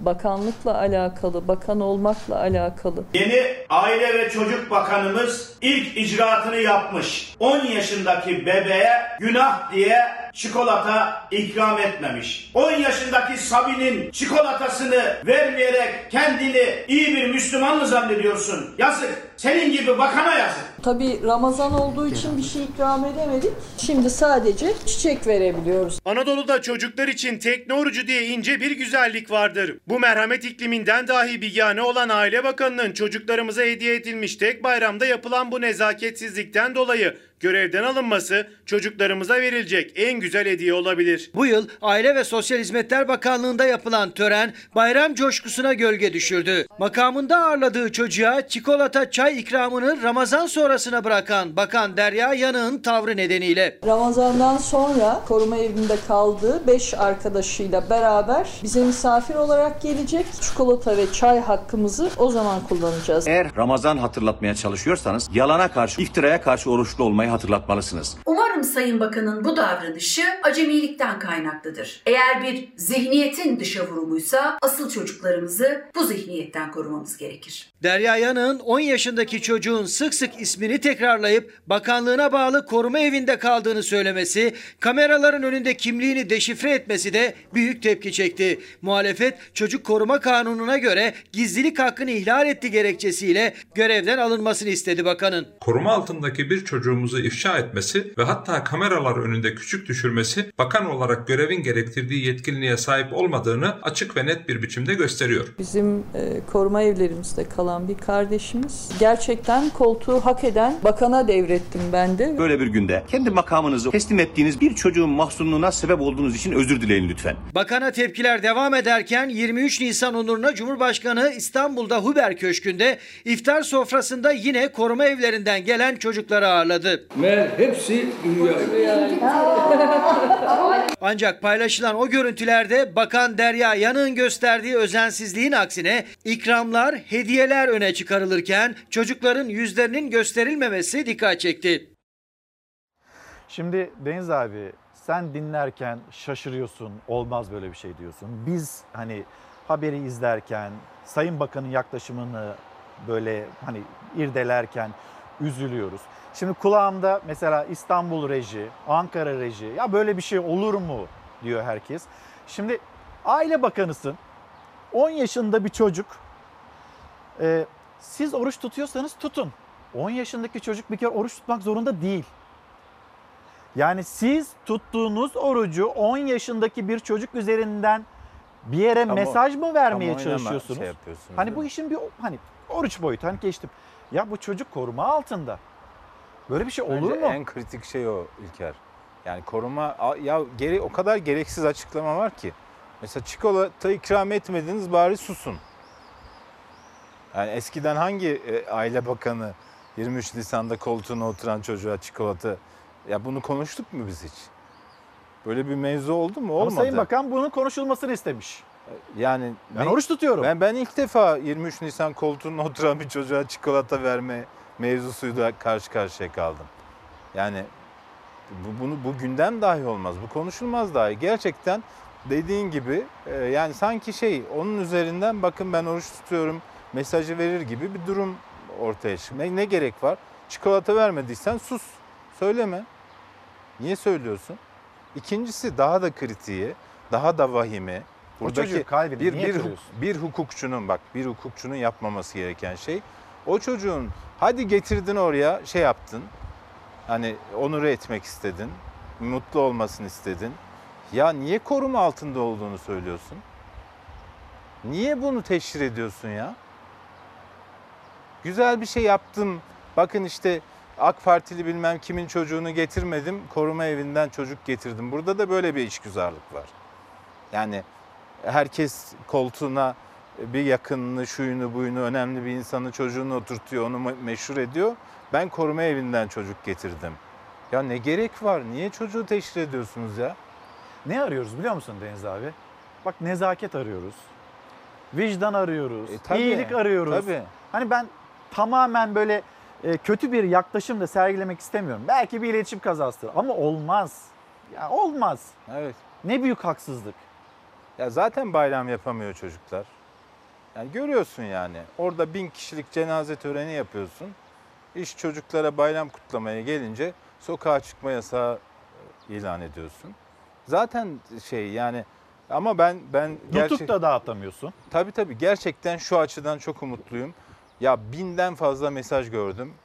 Bütün evler 23 Nisan tören alanına dönmüş İlker. Ya çok Muhtemelen güzel. sizin Evet, evde Bizim öyleydi. evde öyleydi. Yani herkes, bütün çocuklar odalarını bayraklarla donatmış, işte ellerinde bayraklar, şiirler okuyorlar, işte şey yapıyorlar ve sosyal medyada paylaşıyorlar. Yani onların hepsi orada bir araya geldi yani. O sokağa çıkma yasağıyla nedeniyle bir araya gelemeyenler, çocuklar sosyal medya üzerinden böyle hakikaten sokağa çıkma yasağında coşkuyla kutlandı ifadesi var ya. Öyle bir şey yaşadık yani. Büyükler de öyle. Tabii, Cumhuriyet'in tabii. çocukları. Tabii yani ya ama çok üzüldüm ben. Gerçekten e, Sayın Bakan açısından talihsiz yani böyle başlamasa daha iyi olurdu. E, savunulacak bir tarafı da yok. Böyle Yani başlayınca devam nasıl gerçekten gelir acaba? düşünüyorum hani e, İnşallah haksızlık gelir. etmeyelim görevine yeni başlayan bir e, bakanı hani e, şey yapmayalım bu, tür cümleler kurmayalım ama kendisi elini vicdanına Olmadı. koysun. Olmadı evet, yani. kendisi elini vicdanına koysun. Ben ne gerek vardı bu çikolata detayını söylememe ya da ne gerek vardı bu çocuğun koruma altında olduğunu teşhir etmeme diye sorsun. Verdiği yanıt e, önemli. Yani bu illa muhalefet beni eleştiriyor ben de onlara sert yanıt vereyim gibi bakmamak lazım. Biraz insan insani ve vicdani bir bakış açısı lazım burada. Yanlış oldu. Şimdi o zaman hani diğer gündem başlığını bir daha sayayım mı? İstediğin haberi. Ya, istek haber. Sana öyle geliyorum. Hangisiyle devam edelim? E, bu 128 milyar enteresan. Geçen hafta herkes açıklama yaptı Tamam hadi biliyorsun. 128 milyar dolar haberiyle devam edelim Hüseyin. Şimdi o haber hani yer değiştirdi. Askerde de olur ya böyle bir şeyin vardır. Kaybolduğunu hani öyle denirdi. Askerde hiçbir şey kaybolmaz. Şapka, kep, Sadece kep, yer değiştiren kep, şapka, kep. bot vesaire. Kep nerede? Böyle bir açıklama geldi 128 milyar dolarla ilgili. Ee, hemen bir paylaşalım. Merkez Bankası'nın tırnak içinde kaybolan rezervleri diyorsunuz ya. İşte o rezervler sadece varlık ve yükümlülük olarak yer değiştirdi. Sadece yer değiştirdi diyor. Arkadaşları anlamak da mümkün değil. Kardeşim eskiden bu 128 milyar dolar senindi. Evin var evini satıyorsun aynı evde kirada oturmaya başlıyorsun. Diyorsun benim evim var ama o ev senin değil. Kiralık o ev. Hırsız bir malı çalarsa o mal da el değiştirmiş oluyor. Evet varlıklar ve yükümlülükler yer değiştirmiştir. Yapılan rezerv satışları nedeniyle rezervler satılmış. Daha sonra bu rezervler satılanlardan geri alınmak suretiyle borçlanılmıştır. Bu kez söz sırası Merkez Bankası Başkanı Şahap Kavcıoğlu'ndaydı. 128 milyar dolar nerede sorusuna cevap için. Kaybolan, buharlaşan rezerv yok. Sadece yer değişimi var dedi. Finansal sistemdeki yer değişimini anlattı Kavcıoğlu. Benim rezervlerimden çıkıp bankacılık sektörünün hesaplarına döviz olarak giden parayı ben bu sefer bankaları fonlamak için TL olan ihtiyaçlarını karşılamak için o dövizleri swapla alıyorum tekrar rezervime. Piyasaya TL veriyorum. Değişen hiçbir şey yoktur. Sadece varlık yükümlülük içerisinde, bilanço içerisinde yer değiştiriyor. Merkez Bankası çok sağlam bir binayı yıkmış, yerine o binanın bir benzerini deniz kumundan e, yapmıştır. 128 milyar dolar yok oldu. Kime satıldığı belli değil. 83 milyonda 218 milyar dolar arka kapıdan kimlere satıldı bunu bilmek zorundadır. Bu sefer kimlere satıldı diye başladılar. Giden para gittiği yer orası. O nerede? Dö- bankalardaki döviz hesapları. Ben Merkez Bankası olarak para kazanıyorum. 200 milyarın altında bir zararı kimse söylemiyor şu ana kadar. Kamu zararı. CHP lideri kamu zararı var dedi. Açıklamaları yeterli bulmadı. 128 milyar dolar bilmecesi hala çözümsüz. Muhalefet rezervin peşinde. Aslına bakarsanız ortada 128 milyar dolar diye gerçekle ilişkisi olan bir rakam yok. Bu yalansa niye pankartı indiriyorsun? Hesabını veremeyeceğini biliyorsun. Dört kalemde 165 milyar dolarlık bir rakam ortaya çıktı. En sonunda kabul ettiler. 128 milyar dolar arka kapıdan birilerine satıldı. hangi kur üzerinden satıldı? Şimdi bunun cevabını vermek zorundalar. Bu verilerin yayımlanmasında fayda görüyorum. Tabii ki takdir e, Merkez Bankası'nın. Dünyada böyle bir veri açıklaması söz konusu değil. Siz bireylerin veya firmaların bilgilerini nasıl açıklayabilirsiniz? Bugüne kadar gizli kalsaydı biz kimseye bir 128 rakamını söylemedik. Kimseye böyle bir işlem yapıldığını söylemedik. Öyle iddia ediliyor. Peki bu arkadaşlar bunları nereden buldular? Merkez Bankası bilançosundan ne kadar rezerv satıldığını hesaplayabiliyoruz. Ama hiçbir bilançoda kurun kimlere, hangi tarihlerde satıldığı yer almaz. Bugün sorulan soru kurlar kime, hangi fiyattan, hangi düzeyden ve hangi tarihlerde satıldığının açıklanmasıdır. Onun da kaydı var. Çıkaracağız bunları. Reel sektörden hangilerinin döviz borcu pozisyonlarını kapattıkları da bunları da bizim söylememiz olmaz ama o şirketler kendileri açıklayabilir. TÜSİAD var, müsiyat var, TOP var. Kuruluşlar kendi üyeleri. Bu dövizlerinizi de kimler aldı? Reel sektör diyoruz. Türkiye'nin reel sektörü belli. Bu rezervler konusunda da iş dünyasının da bence taraf olması gerekiyor. Eğer 2020'de bu talepleri karşılanmasaydı o kredilerini kapatamazlardı. Uluslararası borçlarını ödeyemezlerdi. O varlıklara sahip olamazlardı. Başkan Kavcıoğlu iş dünyasına seslendi. Taraf olmaları vurgusuyla. Sözleri çok çarpıcıydı. Sami Öz günaydın. Deniz abi fazla korkutma. İnadına mı çıkartıyorsunuz yükseğe demiş. Doğru diyor. bir de soğuk. Çok mu soğuk? Mont giymişsiniz diyorlar. Hem yüksek hem soğuk. Bugün test ediyoruz denizde yürüyü. Yok ben soğuk konusunda biliyorsun şeyim yok. Tabii, Kars'ta olduğun için. Evet evet. Şimdi Deniz abi 128 milyar dolar nerede? Ya ben şuna karar verdim. Önce AK Partililer bulsun. Kendi aralarında bir karar versin. Karar versinler tam olarak Ondan nerede? sonra konuşalım. Şey, onun dışında nafile yani. Çünkü her çıkan başka bir şey söyledi. Kimi kasada dedi. Hatırlıyorsun değil mi? Kasada dedi. Kimi e, vatandaşın yastığının altında dedi. Şimdi e, Merkez Bankası Başkanı yer değiştirdi dedi. Başkası yoksullara dağıtıldı dedi. Yani bir karar versinler. Ondan sonra konuşalım yani. Demek ki onlar da bilmiyor yani. Kimse bilmiyor. bilmiyor herhalde. Altın oldu denildi. Ya altın oldu da bizim altınlar nereye gitti o zaman vatandaşın altınları? Ya diyorlar ki vatandaşın şeyi e, yastığının altına girdi. Ya, vatandaşın yastığının altındaki altın ne oldu? Herkes bakıyor yastığın altında bir şey var mı diye. E yok oradan da bir şey çıkmıyor. Ya bu garip bir şey. Ee, yani bir şey yapılmış. Ben orada en en doğru konuşanın Lütfü Elvan olduğunu düşünüyorum. Lütfü Elvan dedi ki ya bir şey var ama yolsuzluk demek haksızlık olur dedi. Ee, yani Kuru baskılamak için. evet. Değil mi? Aslında söylemeye Evet, evet. çalıştığı bu. 2017 yılında yapılmış olan bir protokol. Yani faize dokunmayalım, piyasaya döviz sürerek kuru baskılayalım gibi bir politika izlendi. Yani faiz, faiz e, şeyi politikalarındaki yanlış tutumdan kaynaklanıyor. Ama geldiğimiz noktada hem kur eski halinde hem faiz eski halinde %19'lara çıktı. E, yanlış bir ekonomi politikası izlendiğinin Peki bu ABD'nin aldığı karar hani zaten dolar 8.36 8.35 seviyesinde acaba hani pazartesi günü ne olur? Ee, inşallah sorun olmaz ama yani piyasalar bir yanıt verir herhalde. Yani ya bu ama şey yani Türkiye'nin alttan alması e, piyasaları olumsuz etkilemeyebilir. Hmm. Yani şimdi e, böyle bir düşük profilli bir tepki var yani sadece açıklamalarla Evet. sadece yani fiilen bir kriz yaşanmayacak görüntüsü piyasaların e, biraz böyle ihtidalli açılmasına neden olabilir. Peki şimdi kripto param var mı? Öyle bir birikime Var etrafı... o hani yok da. Zaten yok öyle bir şey de hani bir kripto para bir furya. Hani bunun üzerinden vurgun yapanlar, bunun tartışması da çok devam ediyor. Ee, haberimiz de hazır. Ya vurgun soruşturması başladı. Ona bir bakalım. Yine batan bir kripto şirketi varmış. Burada mağduriyetler var. Bu mağduriyetler ne olacak? Yine onunla ilgili haberler aktaralım. Devam edelim.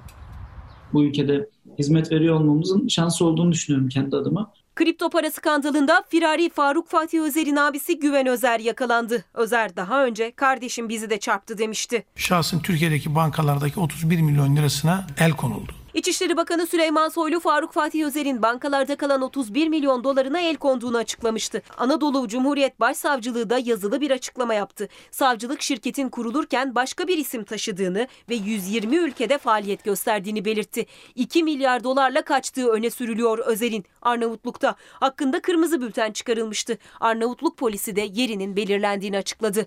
Soruşturmada 78 kişi için yakalanma kararı çıkmış, 65 kişi gözaltına alınmıştı. Abisi ve aynı zamanda şirketin ortaklarından olan Güven Özer de yakalandı. Özer'in İstanbul Pendik'te bir evde saklandığı ortaya çıktı. Polis halen firari durumda olan şirketin kurucusu Faruk Fatih Özer'in de aralarında bulunduğu 12 şüphelinin yakalanması için operasyonlarına devam ediyor.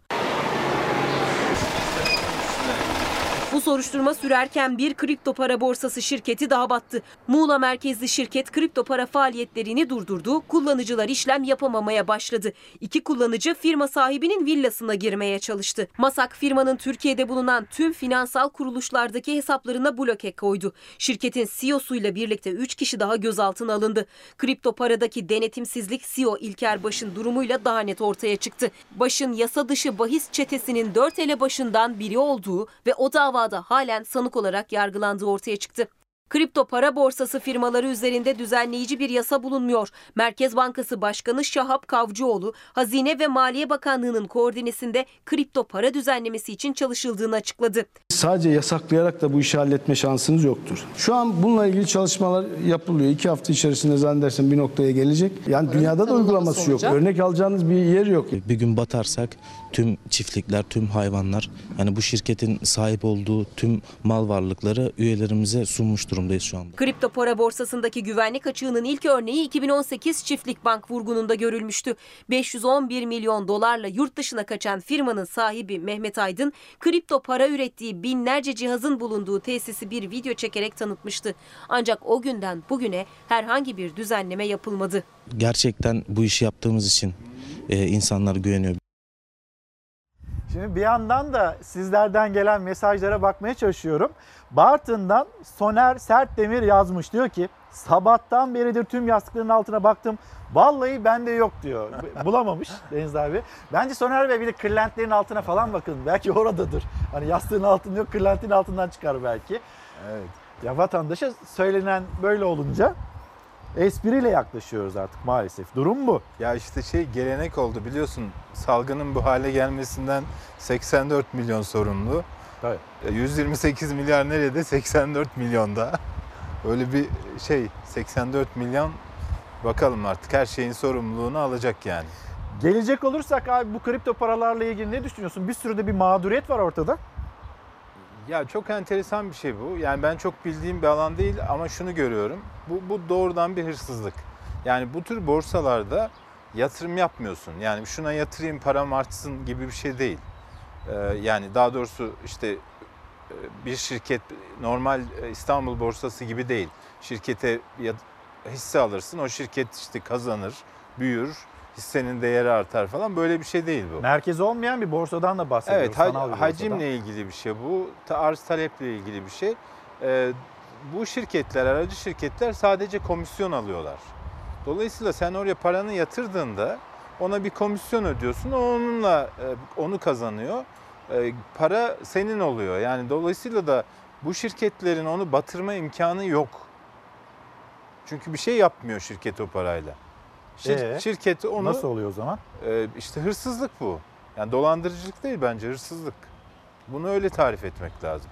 İnsanların güvenerek parasını koyduğu bir platformda ve sana da tutman için komisyon verdikleri bir platformda sen o paraları alıyorsun, tüyüyorsun. İş bundan ibaret. Can Bey diyor ki artık bu ülkede kandıranlara değil de kananlara mı soruşturma Ya başlatılsa? kananlarda da şey var. Hızlı para kazanma. Adam diyor ki mesela yüzde otuz e, ucuza şey e, dijital para işte coin. E, ya yapamazsın ki bunu. Yani onun bir değeri vardır. Para yani 100 lirayı sana 70 liraya satacağım diyebilir misin yani? Bugün Milli Bunu- Gazete'deydi herhalde. Ya parayı coin'e değil de coin'e yatırın bari üretimi arttıralım diye. E, doğru. Bir yaklaşım var. Doğru yani bu bizim insanlarımızda da hızlı para kazanma gibi bir şey var. e, çaba var. Onu, o da bunu çok etkiliyor. Yani hiç de ders almıyoruz yani. Banker skandalları var. Tosuncuk var biliyorsun şey çiftlik bank hikayesi var. Bunlar var. E, ama bu enteresan bir kuşak da oluştu. Görüyorsun yani AK Parti'de bir danışman çıktı.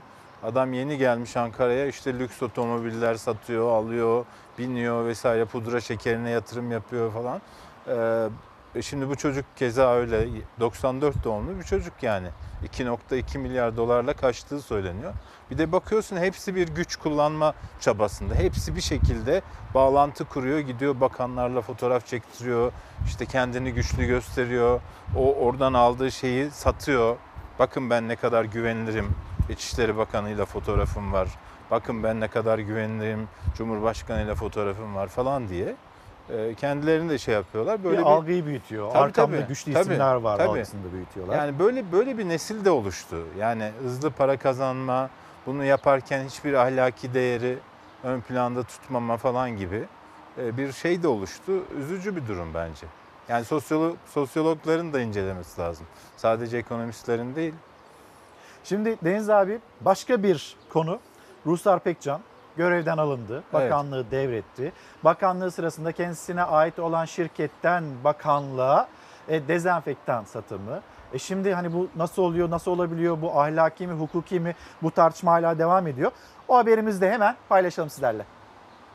Bakanlık koltuğundan aldık tamam konu kapandı demek olmaz. Ruslar Pekcan'ın Yüce Divan'da yargılanması gerektiğini düşünüyoruz. Ruslar Pekcan, Ticaret Bakanı olmayıp yine kendi bakanlığının denetlediği bir kooperatif başkanı olsaydı bunun bir cezası var. 3 aydan 2 yıla kadar hapis cezası ve 50 günden 500 güne kadar da adli para cezası. Kendi şirketinden Ticaret Bakanlığı'na dezenfektan satan bir bakan değil, kooperatif başkanı olsaydı alacağı ceza buydu. Muhalefet Ruslar Pekcan'ın da Yüce Divan'da yargılanmasını istiyor. Sayın Bakan'ın ihaleye fesat karıştırmaktan ve görevi kötüye kullanmaktan yargılanması gerekiyor. Kendi şirketinden kendi bakanlığına dezenfektan satan Ruslar Pekcan görevinden alındı. Bir de savunma metni yayınladı ama tartışma sürüyor. Tarihe dezenfektan skandal olarak geçti. KDV hariç 507.880 liralık dezenfektan Nanoxia Biyoteknoloji firmasından ilgili mevzuatın emredici hükümleri çerçevesinde gerekli tüm ürün fiyat araştırmaları yapılarak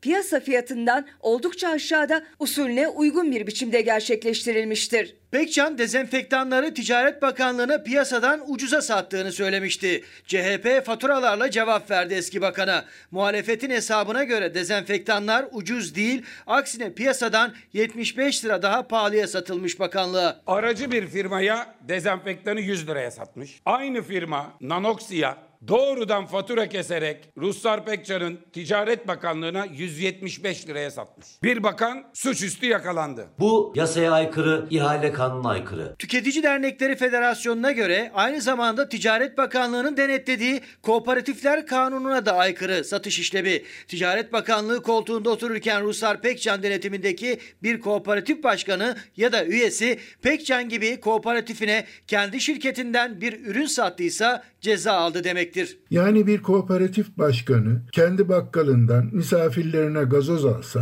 bunun da fişini e, muhasebeye koysa 3 aydan 2 yıla kadar hapis ve 50 günden 500 güne kadar da adli para cezasıyla cezalandırılırlar. Ahilik kültürüyle bağdaşmayan fırsatçılık yapanları denetimlerini bakanlık olarak gerçekleştiriyoruz. Ticaret Bakanlığı eğer kendisine bağlı bir kooperatifi denetlerken en ufak bir 10 liralık 20 liralık bir fişin kooperatif başkan ve yöneticilerinden geldiğini kanıtladığı takdirde savcılığa suç duyurusunda bulunuyor. AK Parti ve MHP bu konuda samimi ise yolsuzluklara karşı mücadele etmek istiyorsa Yüce Divan'da yargılanması için bizimle birlikte hareket ederler. CHP Ruslar Pekcan için yargı düğmesine basılması gerektiğini düşünüyor ve AK Parti ile MHP'ye çağrı yapıyor. Şimdi Cumhuriyet Halk Partisi'nin tezi Yüce Divan'da bir yargılamayı gerektirir böyle bir alışveriş. Ne dersin abi?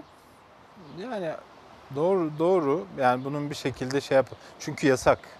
Yani bir yöneticinin şirketinin kamu ihalelerine girmesi e, zannedersem kamu ihale kanununa aykırı. Burada galiba ihale de olmamış.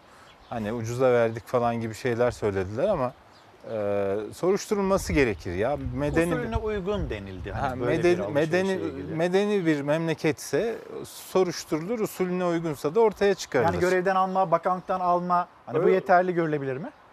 O yüzden almadılar ki İlker hatırlasana cumartesi ben burada yani hani cuma günü ben yayında Ruhsar Pekcan'ın yerine Mehmet Muş'un getirileceğini söyledim. Evet. Çünkü öncesinde Mehmet Muş'a hazırlan Ticaret Bakanı oluyorsun diye Cumhurbaşkanı söylemişti zaten.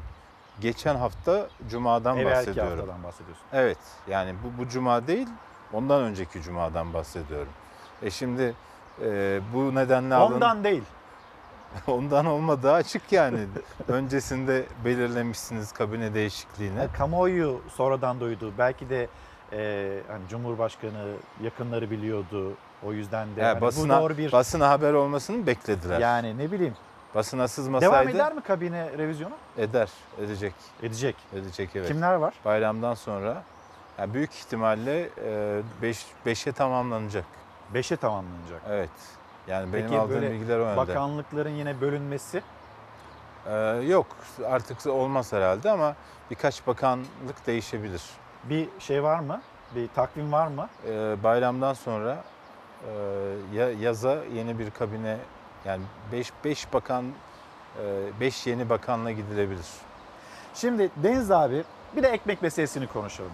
E, halk ekmek. Hani biz burada uzunca bir şekilde anlattık. Türkiye'nin gündemi nereye gidiyor, vatandaşın gündemi nereye gidiyor, vatandaş ekmek derdinde, geçim derdinde. Şimdi İstanbul'da, Üsküdar'da bir tartışma. Hatta böyle halk ekmek büfesi, bu büfenin etrafında zabıtalar gece boyunca nöbet tutmaları, vatandaşın ya biz buradaki büfeden rahatsız değiliz, niye kaldırmaya çalışıyorsunuz? Hani böyle bir tepki de var. Bir ekmek meselesine geçişte yapmış olalım.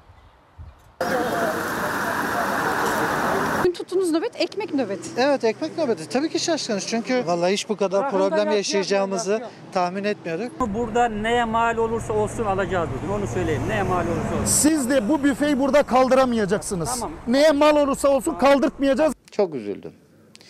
Bu yani e, hak etmemiştim bunu. Bu şekilde kaldır kaldır büfeyi burada kaldır bana. E, şey değil ki sırtıma alayım gideyim ben bunu. Hatta yaklaştım baktım gaziyim ben. Diyorum ki keşke hiç başvurmasaydım o zaman. Bu kadar onurum kıracak yani terörist olarak görecekse benim e, onurum neyse konuşmak istemem ama çok zoruma gitti. Hak etmediği bu muamele 15 Temmuz gazisi Hanifi Bayram'ın boğazını düğümledi. Oysa meclis kararı gereği kimliğiyle hak etmişti ama birkaç dakika içinde siyasi kavgalar pişman ettirdi o işe başladığına. İstanbul Büyükşehir Belediyesi halk ekmek büfesinin işletmesini verdi.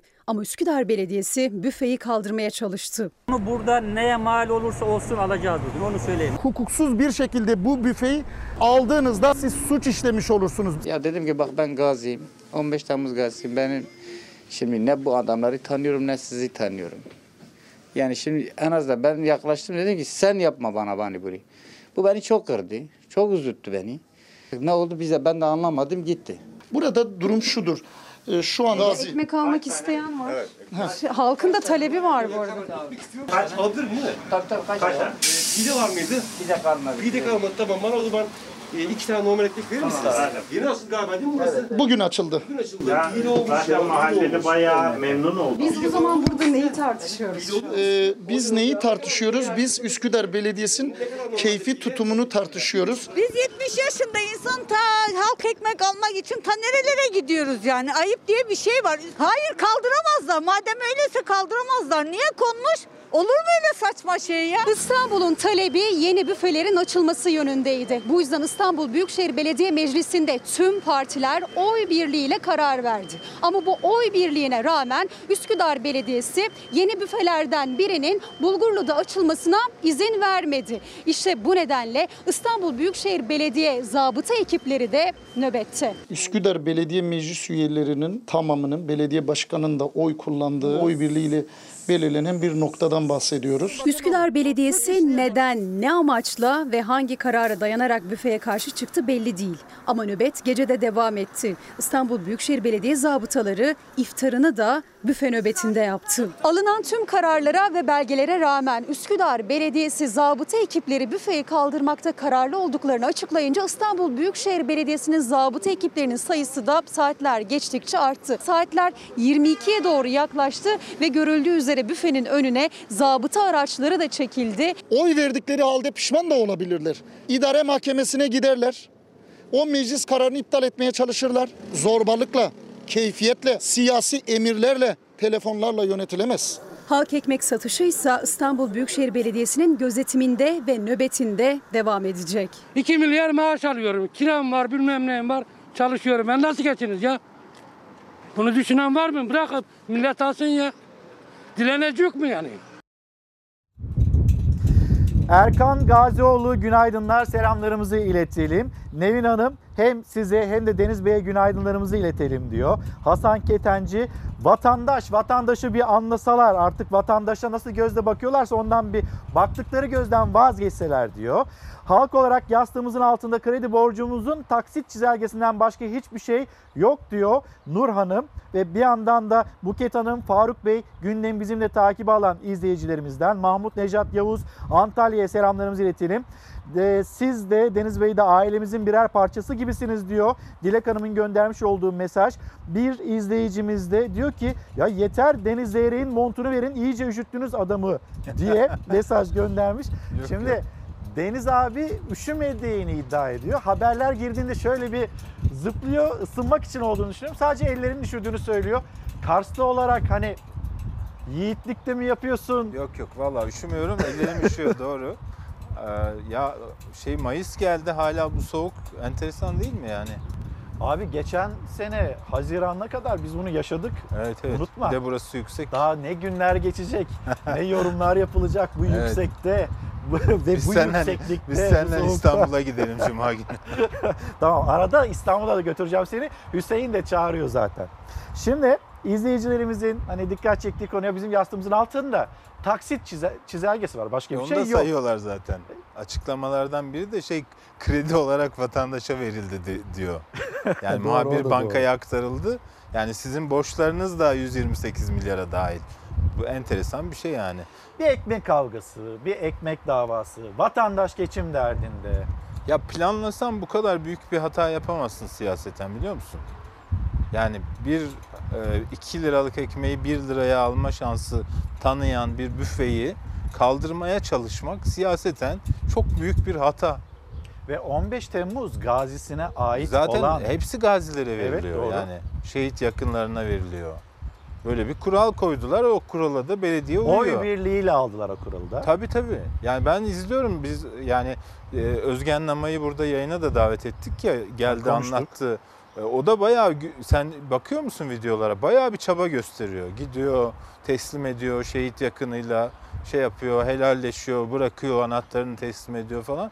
E şimdi siyaseten AK Parti nasıl bu hale geldi? Yani e, halk ekmek büfesine izin vermiyorlar ya bunun mantığı yok. Ya bir yani hükümete yakın bir haber kanalı Gördün mü sen o videoyu? Gördüm. Vatandaşa soruyor. Karşı bir şey arıyor Üsküdar'da ya da Ama işte bulamıyor. başka bir. Diyor ki e, ya bunu kaldırsınlar buradan diyecek vatandaş arıyor. Ama kime sorsa vatandaş diyor ki ya bu gerekli buraya. Biz e, ekonomik zorluk yaşıyoruz bu ekmeği almak istiyoruz diyor. E, Acaba yayınladılar mı o röportajı da çok merak ediyorum. Sence? E, Bilmiyorum. E, yani insanın ekmeğiyle oynanır mı ya? Ya insanın ekmeğiyle oynamak bir siyasetçinin, bir siyasi partinin yapabileceği en büyük yanlıştır. Ve AK Parti şu anda onu yapıyor. Yani Üsküdar'da yaşanan şey siyaseten trajik bir hatadır. Ve onun Üsküdar zaten biliyorsun iki seçimdir kıl payı şey oluyor. AK Parti'de kalıyor. Böyle devam etsinler. Bak burada Deniz Zeyrek söylemişti dersin. Bir sonraki yerel seçimde Üsküdar muhalefetin eline geçecek. Ee, şimdi hani yine mesajlar geliyor. Bu arada Engin Bey günaydınlar 1915 olaylarına dayanak soykırım suçlaması büyük haksızlık, siyasi bir karar ve tarihi hatadır kınıyorum diyor. Onlarca yıl büyük diplomatik çaba ve uluslararası itibar sayesinde engellediğimiz bu haksız suçlamanın bugün kabulü esef verici ve rencide edicidir. Bunu kabul edemeyiz. Engin Güner'den hani siyaseten deneyimli bir isimden de gelen e, değerlendirme Olay bu. 1915 ile Yani ilgili Engin Bey açıklama. gerçekten e, hani Fotoğrafı fotoğrafı, çekmiş. çekmiş. Yani bütün mesele bu. Biz bu kadar yıldır bunu engelliyorduk. Bu, bu, bu sene engelleyemedik. Gerçekten de e, diplomatik açıdan çok büyük başarısızlık. Deniz abi bu cümlelerle o zaman tamamlayalım. Sana kolay ben gelsin. seni daha fazla üşütmeyeyim. Yok yok. ben Sen- biraz sen daha kendine üşüyeceğim. dikkat et. Şimdi bir molaya gidelim. Molanın dönüşünde daha paylaşacağımız haberler var. Onları aktaracağız. Orada da ben Deniz abiyi uğurlayacağım. Bizden ayrılmayın. Reklamlar dönüşte buluşalım. Sağ olun. Günaydın. Devam ediyoruz.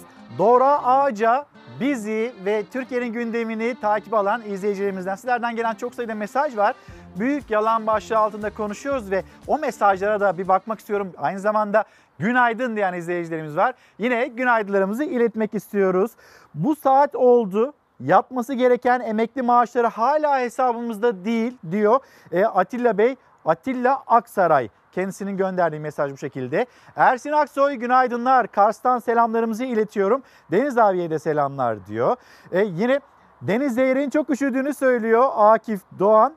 E Şimdi Deniz abi gitti. Muhtemelen bir soba bulmuştur kendisine e, sarılacak. Sadece ellerim üşüdü dedi ama bazı haberlerin arasında gerçekten üşüdü. Biraz yüksek olunca Ankara'da bugün 8-9 derece e, sıcaklık. Öyle olunca tabii o üşüdü. Ben de üşüdüm ama idare ediyoruz.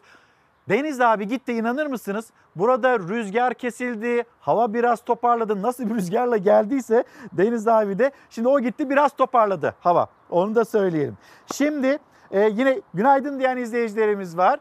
E, onlara da selamlarımızı iletirken Cumhuriyet Gazetesi'nde görmüş olduğumuz haber hani manşet tarihi çarpıtma. Biz bir de gerçek bir tarihten söz edelim. Cumhuriyet Gazetesi'nde de yer alıyor. O da Çanakkale, Çanakkale gururu. Çanakkale Kara Savaşları'nın 106. yılı kapsamında Gelibolu Yarımadası tarihi alandaki Şehitler Abidesi'nde dün tören düzenlendi. Pandemi nedeniyle kısıtlı sayıda kişinin katıldığı törende Avustralya, Birleşik Krallık, İrlanda ve Yeni Zelanda Büyükelçileri, Fransa'nın İstanbul Başkonsolosu ve Çanakkale Valisi hazır bulundu. Törene katılanlar saygı duruşunun ardından şehitliğe karanfil bıraktı. Hem bir düne dönelim hem de 106 yıl öncesine. Hey on beşli on beşli Tokat yollar taşlı On beşliler geliyor Yarimin gözü yaşlı Ben size taarruz emretmiyorum, ölmeyi emrediyorum dedi komutanları. Bir saniye düşünmedi evlatları. Onlar Mustafa Kemal'in 57. alayıydı. 57. alayın kahraman askerleri. Ölüme atıldılar. Toprağa vatan yapmak için canlarını ortaya koydular. Çanakkale içinde aynalı çarşı Birinci Dünya Savaşı'nın en kanlı çarpışmalarının olduğu yerde Çanakkale'de 18 Mart'ta büyük bir ders almıştı ittifak devletleri. Çanakkale geçilmiyordu. Deniz onlara yol vermemişti. O zaman karayı deneriz dediler. 25 Nisan'da işgalci kuvvetler Gelibolu Yarımadası'na ayak bastıklarında Türk tarafının bu planı öngörüp hazırlık yaptıklarından habersizdiler. Hazırlık yapılmıştı yapılmasına ama imkanlar kısıtlı, halk da, asker de yorgundu. Ama vatan toprağı savunulacaktı ya, gerisi teferruattı. Artık eli silah tutan herkes için feda vaktiydi. 19. Tümen Komutanı Yarbay Mustafa Kemal kendisine bu yönde bir emir gelmemiş olmasına rağmen yanına 57. alayı ve bir dağ bataryasını alarak kişisel inisiyatifiyle stratejik açıdan önemli olan Conk Bayırı'na doğru hareket etti. 15'ini henüz doldurmuş binlerce koca yürekli kahraman gözünü bile kırpmadı. Hepsi cepheye koştu. Onlar 57. alaydı.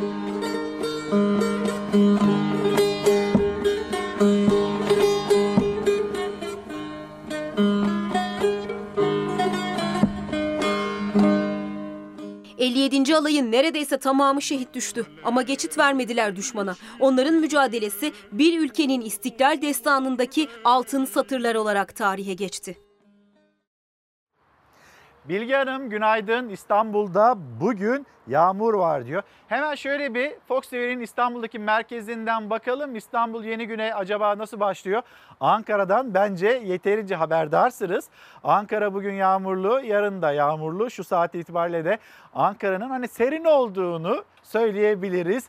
Hissedilen sıcaklığın düşük olduğunu söyleyebiliriz. Bir yandan tabii bu yağmurlu günler geçecek, bu soğuk günler geçecek ve bahar bir yandan uyanırken daha da böyle güneş kendisini hissettirecek. Onu da söyleyebiliriz ve İstanbul, İstanbul'un da yine yağışta olduğunu hatırlatalım. Pencereden baktığımızda Fox TV'den. 128 milyar doları ben harcadım. Kimse kusura bakmasın. Suat Aslan göndermiş. Bu e, mesajı bizlerle paylaşmış. Valla Suat Bey kusura bakmayın. Kusura bakarız. Şimdi Cemre Hanım günaydınlar. Selamlarımızı iletelim. Cemal Özçelik, Emine Akça, e, Nurhayat Betül e, yine hem bizi hem de gündemi takip alan izleyicilerimiz de selamlarımızı iletmiş olalım. Efe Yağız çok sağ olun. Çok ama çok teşekkürler. Soner Bey Silifke'de hava sıcaklığı 33 derece üşüdüyseniz Silifke'ye gelin diyor. Ee, Soner Bey Deniz Zeyrek'le birlikte çok sağ olun davetiniz için. Ee, size de teşekkürlerimizi iletelim. Hürriyet gazetesine geldiğimizde jetler Kandil'e bomba yağdırdı günün önemli sıcak haberlerinden bir tanesi ve yine orada e, Irak'ın kuzeyinde, Kuzey Irak'ta başlamış olan bir operasyon Şimşek Yıldırım operasyonu. Operasyon tüm hızıyla devam ediyor. Türk Silahlı Kuvvetleri terör örgütü PKK'ya karşı Kuzey Irak'ta havadan ve karadan operasyon başlattı. Şimdi o operasyonun detayları.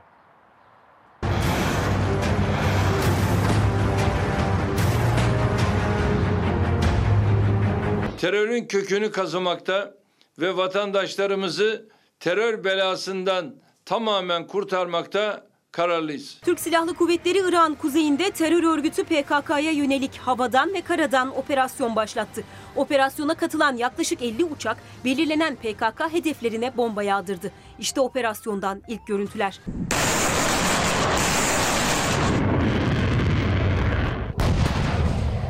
Mehmetçik İran kuzeyinde 10 Şubat'ta düzenlediği Pençe Kartal 2 operasyonunun ardından önceki gece yeni bir operasyon başlattı. Pençe Şimşek, Pençe Yıldırım adı verilen operasyonda Metina bölgesi ağırlıklı olmak üzere Zap, Avaşin, Basyan, Kandil ve Gara bölgesindeki belirlenen PKK hedefleri savaş uçakları tarafından vuruldu. Operasyonda yerli İHA ve SİHA'lar görev aldı. SİHA'larla atak helikopterleri hava harekatı sırasında teröristlerin kaçış noktalarını bombaladı. Milli Savunma Bakanlığı da harekatı sosyal medya hesabında kahraman komandolarımız Kuzey Irak'ta sözleriyle duyurdu.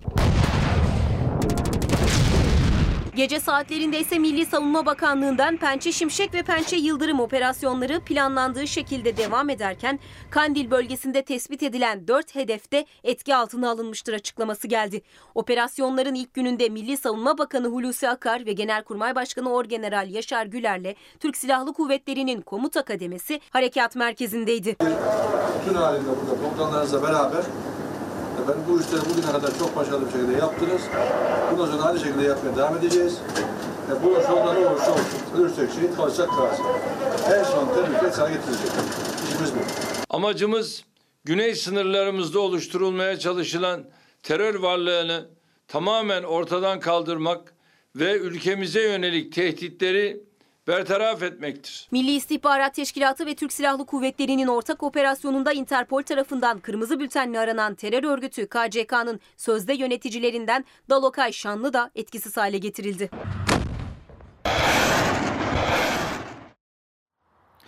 Başlığımızı bir kez daha hatırlatalım. Büyük yalan başlığı altında konuşuyoruz. Sosyal medya hesaplarımız İlker Karagöz Fox, e, Instagram adresim Karagoz İlker, Twitter adresim.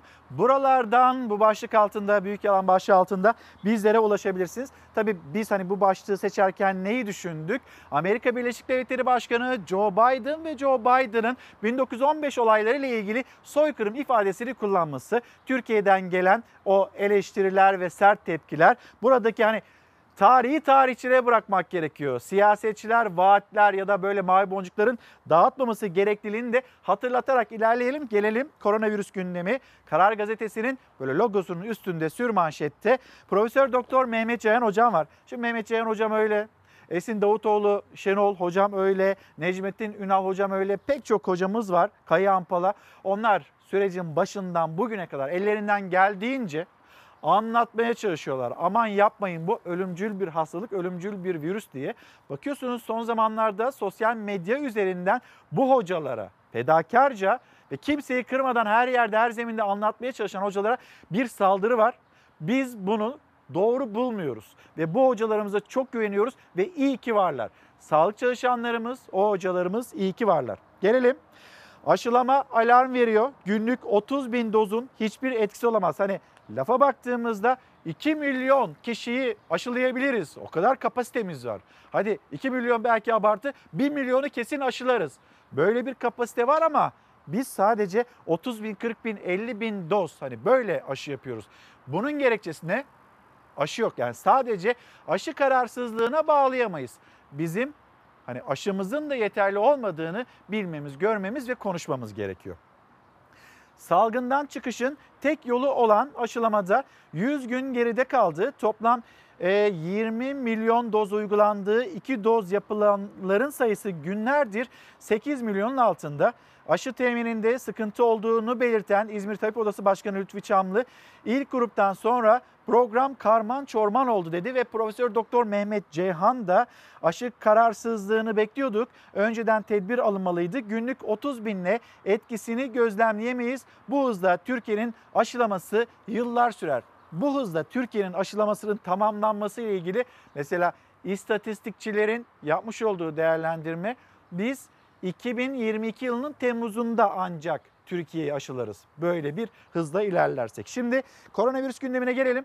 Her şeye rağmen ya ben buna inanmıyorum. Ben yasaklara rağmen gezeceğim, tozacağım diyenler var. İşte onların da memleketten manzaraları. Ne kurallar ne yasakları onları durdurabildi. Polis onları okey masasında nargile keyfi yaparken yakaladı. İstanbul Ataşehir'de bir kafenin açık olduğu ihbarını alan polis ekipleri mekana baskın için harekete geçti. Kafeye girdiklerinde işte bu manzarayla karşılaştılar. Tam 43 kişi. Ne maske, ne mesafe, ne de virüs korkusu vardı. 43 kişiye 136 bin 740 lira ceza kesildi. Tekirdağ'da virüs kısıtlamalarını ihlal ederek kahvehaneye çevrilen dükkanda 12 kişinin kumar oynadığını tespit etti polis ekipleri. 12 kişi 49 bin lira cezadan kurtulamadı.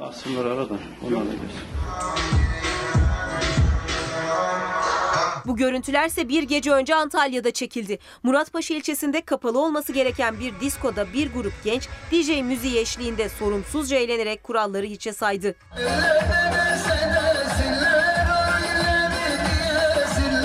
Yine Antalya'da 23 Nisan'ı kutlama bahanesiyle sokağa çıkan bu gençler maskesiz, mesafesiz dans etti. Eğlenceleri polisin gelmesiyle sona erdi. İstanbul'da Ataşehir'de önceki gece polis bir kahvehaneyi daha basmıştı. Kumar oynayanlar kahvehanenin arka kapısından kaçmaya çalışırken bir arkadaşlarını içeride unutup kapıyı kilitlediler. Niye içeride kaldın? Uyuduk orada biraz. Arkadaşlarım kilitledi seni buraya. Yok arkadaşlarım gitmedi ya biraz önce çıktılar ya. Kilitli kalan arkadaşlarını kurtarmaya geldiklerinde ise polise yakalandılar. Gerekçeleri de en az yaptıkları kadar mantık dışıydı. Yasak olduğunu biliyorsunuz. Anladım canım Böyle kalabalık. Yani 3-4 kişi böyle sohbet ediyoruz. Ne yapalım? Böyle bir açıklama yok. Öyle bir açıklama yok. O bir mazeret değil. Bir de canım sıkın moralim bozuluyor. Moralimiz. Komiserim yanlış anlamayın da hani sokağa çıkma yasağı var dediniz ya. Hani evet. Biz burada oturuyorduk yani. Kapalı olması gereken bir mekan. Doğru. Canım sıkıldı öyle muhabbet. Tamam canın sıkkınsa biz de bununla ilgili olarak ceza işlemi uygulayacağız. Fatma Hanım, Fatma Salman çok teşekkürler, çok naziksiniz. Ve Milliyet Gazetesi bir haber, koronavirüs savaşçıları Mart 2020'den bu yana pandemiye karşı verilen mücadeleyi, milliyeti anlatan İstanbul Tıp Fakültesi Hastanesi Dekanı Profesör Doktor Tufan TÜKEK bir yılı aşkın sürede 400 binden fazla hasta COVID-19 ön tanısıyla değerlendirildi. En yoğun dönemde günde 1500'e yakın hasta başvurusu oluyordu. Diğer hastalıklar için ayrı yoğun bakım üniteleri oluşturduk. Yani sağlıkçılarımız, onların vermiş olduğu mücadele hakları ödenmez ve bir yandan da haklarının ödenmediğini görüyoruz zaten, gözlemliyoruz. Dün iftarda Cumhurbaşkanı Erdoğan sağlıkçılarla beraberdi. Onlar sürekli böyle seslerini duyuruyor. Covid-19'un da meslek hastalığı olarak kabul edilmesini istiyorlar. Cumhurbaşkanından da onların bu taleplerine karşı dikkat çeken cümleler geldi. Şu koronavirüs salgını süresi içerisinde birçok vatandaşımızı kaybettik. Hakka uğurladık. Ama bunun yanında birçok sağlıkçı kardeşlerimizi de doktorlardan hemşiresine, sağlık memuruna varıncaya kadar onları da kaybettik. Hakka uğurladık. Ve bunların içerisinde profesöründen doçentine, doktoruna varıncaya kadar her kademede doktorlarımız vardı, hocalarımız vardı. Ve bütün bu Covid salgını süresinde onlar hiçbir şeyden yılmadılar. Hiçbir şeyden kaçınmadılar. Ve bütün gerek hastanelerde gerek evlerdeki müdahalelere varıncaya kadar yoğun bir çalışmanın içerisinde oldular. Ben tüm ölen sağlıkçı kardeşlerime Allah'tan rahmet diliyorum. Şu anda hasta yatağında olanlara Rabbimden şifalar diliyorum. Tabii bir şeyi çok açık net söylemek lazım. Özellikle bu süre içerisinde verdikleri bu mücadeleyle hakka yürüyenlerin inanıyorum ki sevgili peygamberimize inşallah komşu olacaklardır. Çünkü onlar bu mücadeleyi bunun için verdiler ve şu anda da hala bu mücadeleyi bu koronavirüs salgını boyunca sürdürüyorlar. Bu akşam tabii beraber iftar yaptığımız kardeşlerimiz her biri üçer kişilik gruplar halinde ev ev dolaşıyorlar ki evlere bu sağlık hizmetini götürecek kadar fedakarlık yapıyorlar. Mehmet Bey, Mehmet Atik selamlarımızı iletelim. Kayseri'ye de selamlar. 128 milyar dolar uçmadıysa nerede? Bunu tam olarak bize bir anlatırlar mı? Hala açıklanamadı bu konu. Göndermiş olduğu mesaj bu şekilde. Ee, yine Fersan Kurt Adana'dan yazıyor emekliye verilen o, o ikramiyeler, ikramiyelerin senelerdir böyle zamlanmıyor oluşu. Cumhurbaşkanının bir açıklaması var ama hani bu zam ne zaman olacak, nasıl olacak, hangi seviyede olacak, yıllık mı olacak, geçmiş yılları da kapsayacak mı enflasyon oranında? Onları da merak ediyor herkes. Bir izleyicimiz Nazire yapıyor. Hatay 4 yoldan yazıyor. Burada müthiş güneşli bir gün var. Hadi buraya gelin diye mesajını göndermiş. Şu pandemi günleri geçsin. Biz bu meseleden bir kurtulalım. Gerçekten çıkalım, dolaşalım, sevdiklerimize sarılalım. Eğer başarabilirsek memleketin dört bir yanında hafta sonlarında e, o yayınlarımızı da gerçekleştirelim. O zaman Hatay 4 yolsa Hatay 4 yol. Ne bileyim Denizli, Diyarbakır neresi ise güzel bir şekilde o yayınlarımızda gerçekleştiririz. E, Ahmet Bozdemir günaydınlar. Selamlarımızı iletelim sizlere de. Yine takip alan izleyicilerimiz var.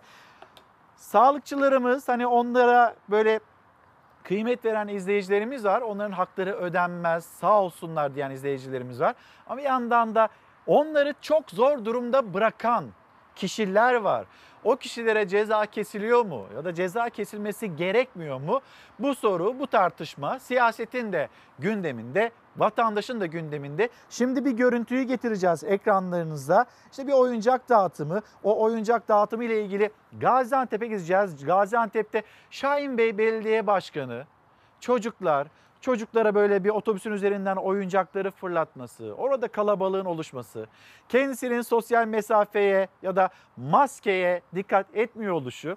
Ya bu görüntüler bir yıl geçmiş insanlar hayatını kaybediyor. Bakıyorsunuz tabloya günde 4 dakikada bir kişi hayatını kaybediyor koronavirüsten Türkiye'de ve hala biz bu görüntüleri görüyoruz. Kalmasoğlu çocukları sevindirmeye devam ediyor. Ne maske, ne mesafe, ne de sokağa çıkma yasağı. Tüm yasaklar delindi. Yasakları delense bizzat belediye oldu. Belediye başkanı otobüsün üzerinden çocuklara oyuncak dağıttı. Kortejin peşine takılarak kalabalık bir şekilde otobüsün peşinden koştu çocuklar. İzdiham oluştu. Bey Belediye Başkanımız Mehmet Kalmasoğlu. Pandemi dönemindeyiz. Bugün sokağa çıkma yasağı var. Çocuklarımız da evlerinde sıkıldı. Biz de Şahin Bey Belediyesi olarak bir konvoy hazırladık. Çocukları yasakta dışarı çıkmaya teşvik ettiren işte bu karardı. Konvoyun yola çıkmasıyla çocuklar toplanmaya başladı. Gaziantep Şahin Bey Belediye Başkanı Mehmet Tahmazoğlu da otobüsün üzerinde çocuklara oyuncak fırlatınca kalabalık daha da arttı. Çocuklar fırlatılan oyuncakları almaya çalışırken izdiham yaşandı. Belediyenin sokağa çıkma kısıtlamasında oluşturduğu bu konvoy istenmeyen görüntülerin oluşmasına neden oldu. Üstelik Gaziantep çok yüksek riskli iller arasında yer alıyor. Belediye başkanının çocuklara örnek olması gerekirken maske takmaması da dikkat çekti. Efendim şimdi biz çocuklarımızı okula gönderemiyoruz. Virüs var diye.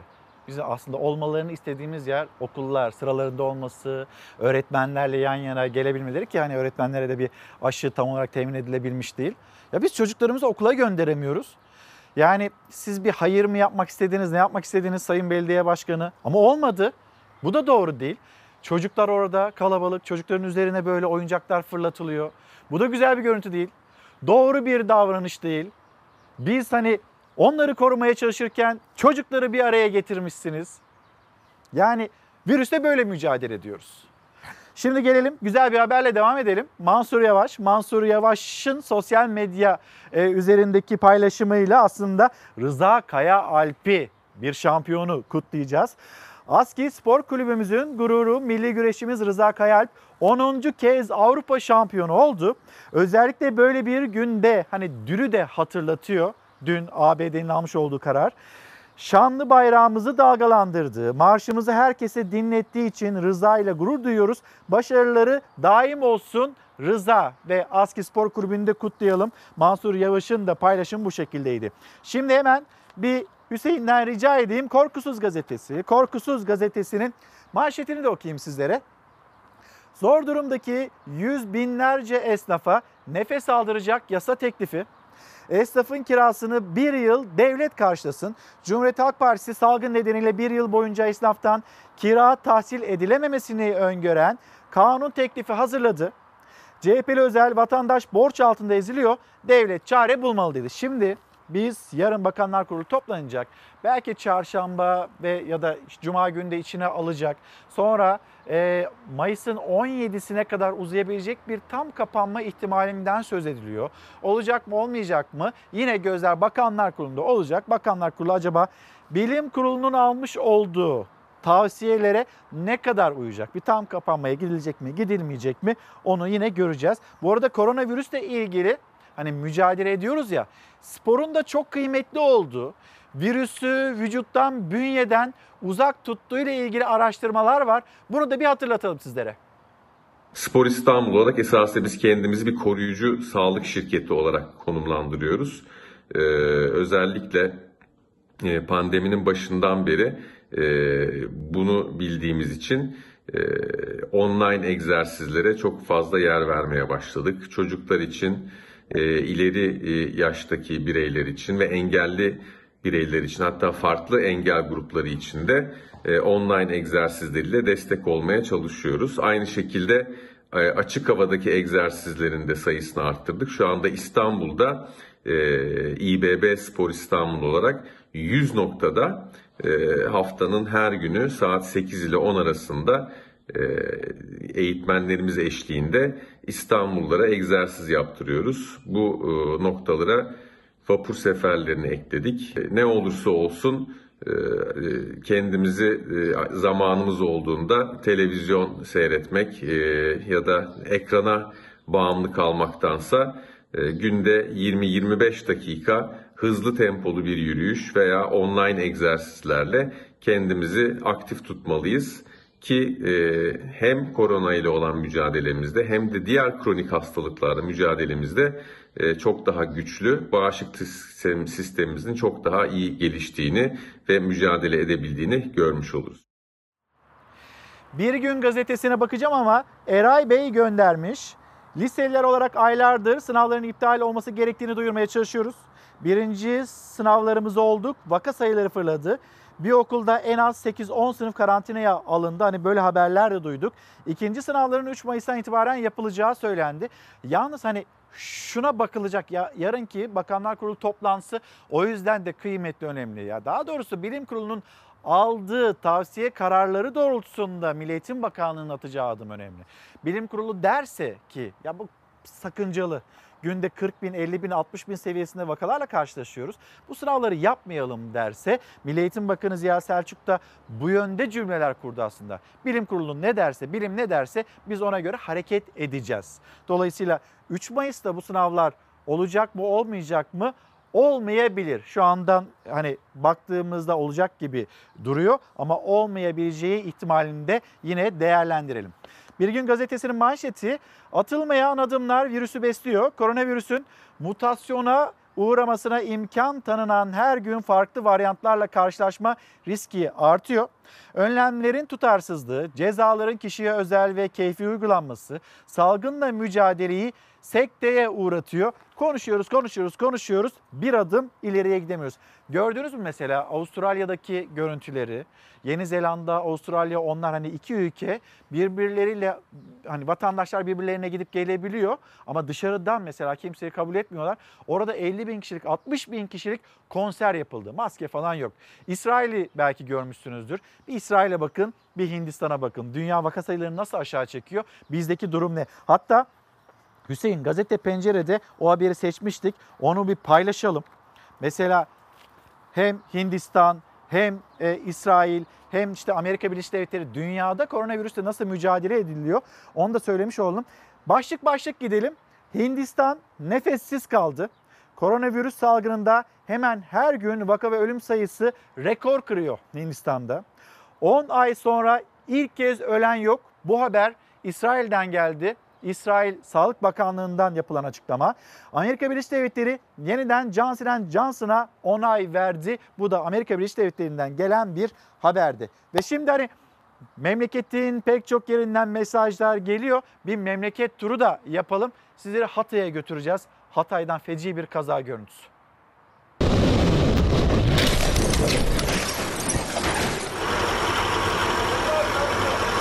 Hatay'da freni boşalan vinç adeta ölüm saçtı. 11 araca çarptı. 4 kişi hayatını kaybetti. 6 kişi de yaralandı. Korkunç kazanın güvenlik kamerası görüntüleri yayınlandı. Hatay'ın Defne ilçesine bağlı Harbiye mahallesinde rampa aşağıya doğru inen vincin freni boşaldı. Kablo yüklü vinç karşı yönden gelen ve park halindeki 11 araca çarptıktan sonra durdu. Kazada ilk belirlemelere göre 4 kişi hayatını kaybederken 6 kişi de yaralandı. Olay yerine gelen sağlık ve polis ekipleri adeta bir savaş alanıyla karşılaştı. Yaralılar hastaneye kaldırıldıktan sonra kazanın enkazının kaldırılması bile saatler sürdü. Polis kazayla ilgili soruşturma başlattı.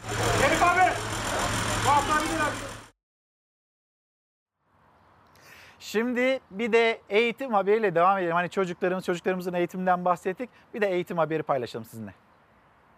İkinci yorum tellerdeki enerjiyi kulağa aktaracak bir ortam olmadığı için herhangi bir ses duyulmaz. Gönüllüler bir araya geldi. Ortaokul öğrencisi çocuklar için geçtiler ekranların başına. Dersimiz matematik ve fen. Okul Destek Derneği'ni biz Türkiye'nin dört bir yanındaki devlet ortaokulunda okuyan öğrencilere matematik ve fen alanında destek olmak için kurduk. Orkun Oğuz ve eğitimcilerden oluşan bir grup ortaokul öğrencilerine destek için kurdu Okul Destek Derneği'ni. Ders verenler gönüllü. Gönüllü sponsorlar da giderleri karşılıyor. İki tane amacımız var. Bir yandan ülkemizin e, ihtiyaç duyduğu iyi yetişmiş e, temel bilimler ve mühendislik alanındaki insan kaynağının gelişimine destek olmak. Diğer amacımız da öğrencilerimizin gelecekte iyi bir meslek sahibi olmalarına destek olmak. Okuldaki müfredata paralel olarak ders görüyor çocuklar. Şu anda Türkiye çapında 1600'den fazla matematik, 1200'den fazla fen öğrencisi kayıtlı programda. Pandemi nedeniyle bu senenin kayıtları doldu bile ama önümüzdeki yıl için kayıtlar açıldı. Bizim e, sınavla, notla, karneyle pek bir işimiz yok. Amacımız dediğimiz gibi aslında öğrencilerimizin sağlam bir matematik ve e, fen e, altyapısına sahip olmaları, e, soru sorma yeteneklerini, kendine özgüvenli bir şekilde söz alıp kendilerini ifade etme etkinliklerini, aynı zamanda da analitik düşünme e, yetkinliklerini geliştirmek. Peki nasıl yürüyor sistem? Ücretsiz derslere her isteyen ulaşabiliyor mu? Her hafta e, bir saat canlı ders yapıyoruz. Bunları küçük 8-10 kişilik sınıflarda yapıyoruz 30 hafta boyunca. Aynı zamanda her hafta yine e, soru cevap dersleriyle onların e, gelişimini destekliyoruz. Türkiye PISA skorlarında 37 ülkeden 33. Yani Orkun Oğuz'un dediği gibi daha gidilecek çok yol var. Bu yolda destek vermek isteyen herkese kapılarımız açık diyor Okul Destek Derneği. Şimdi daire grafikleri nerelerde kullanıyorduk? Bir bütünün e, parçalarını incelerken. Ve geçim Bir maydanoz 2 lira olursa şu kadar ot, dereotu 2 lira olur. Bilmem kıvırcık 6 lira olursa turp 3 lira. Yani bakın şimdi böyle bir mantık var mı? Tarlada satıyor 50 kuruşa, 60 kuruşa. Buraya geldiği zaman 5 lira oluyor. Ben 72 yaşımdayım. Bugüne kadar daha askıda ekmek, askıda patates bilmem ne hiç görmedim. Yani böyle bir böyle bir vahşet olmaz. Market raflarından pazar tezgahına her yerde el yakıyor fiyatlar. Bu pahalılığın sebebi tarlalara uzanıyor. Birleşik Kamu İş Konfederasyonu ARGE birimi Kamuar'ın halkın enflasyonu araştırmasının sonuçları pahalılığın rakamlarını koydu ortaya. Temel gıda fiyatları bu yılın ilk 4 aylık döneminde %11.7, son bir yılda ise %29.7 arttı. Geçen seneden daha kötü maalesef. Çünkü girdilerimiz en az %40-50 civarında bir artış sağladı. Geçen yıl 2100 liraya aldığımız gübreyi şu an 4700 liraya alıyoruz. İlaçlarımız aynı durumda. TÜİK'te üreticiyi de tüketiciyi de zora sokan üretici enflasyonunu açıkladı. Çiftçinin maliyeti olan tarımsal girdi fiyat endeksi yıllık %19.60, aylık %1.40 arttı. En büyük yıllık artış %36.21 ile gübrede görüldü. Ama bu rakam TÜİK'in tüketicinin hissettiği enflasyon rakamları gibi üreticinin de gördüğü ve hissettiği artış çok daha fazla. Gübre fiyatlarındaki artış otomatikman tabii ki yansır yani. Hepsi etkendir.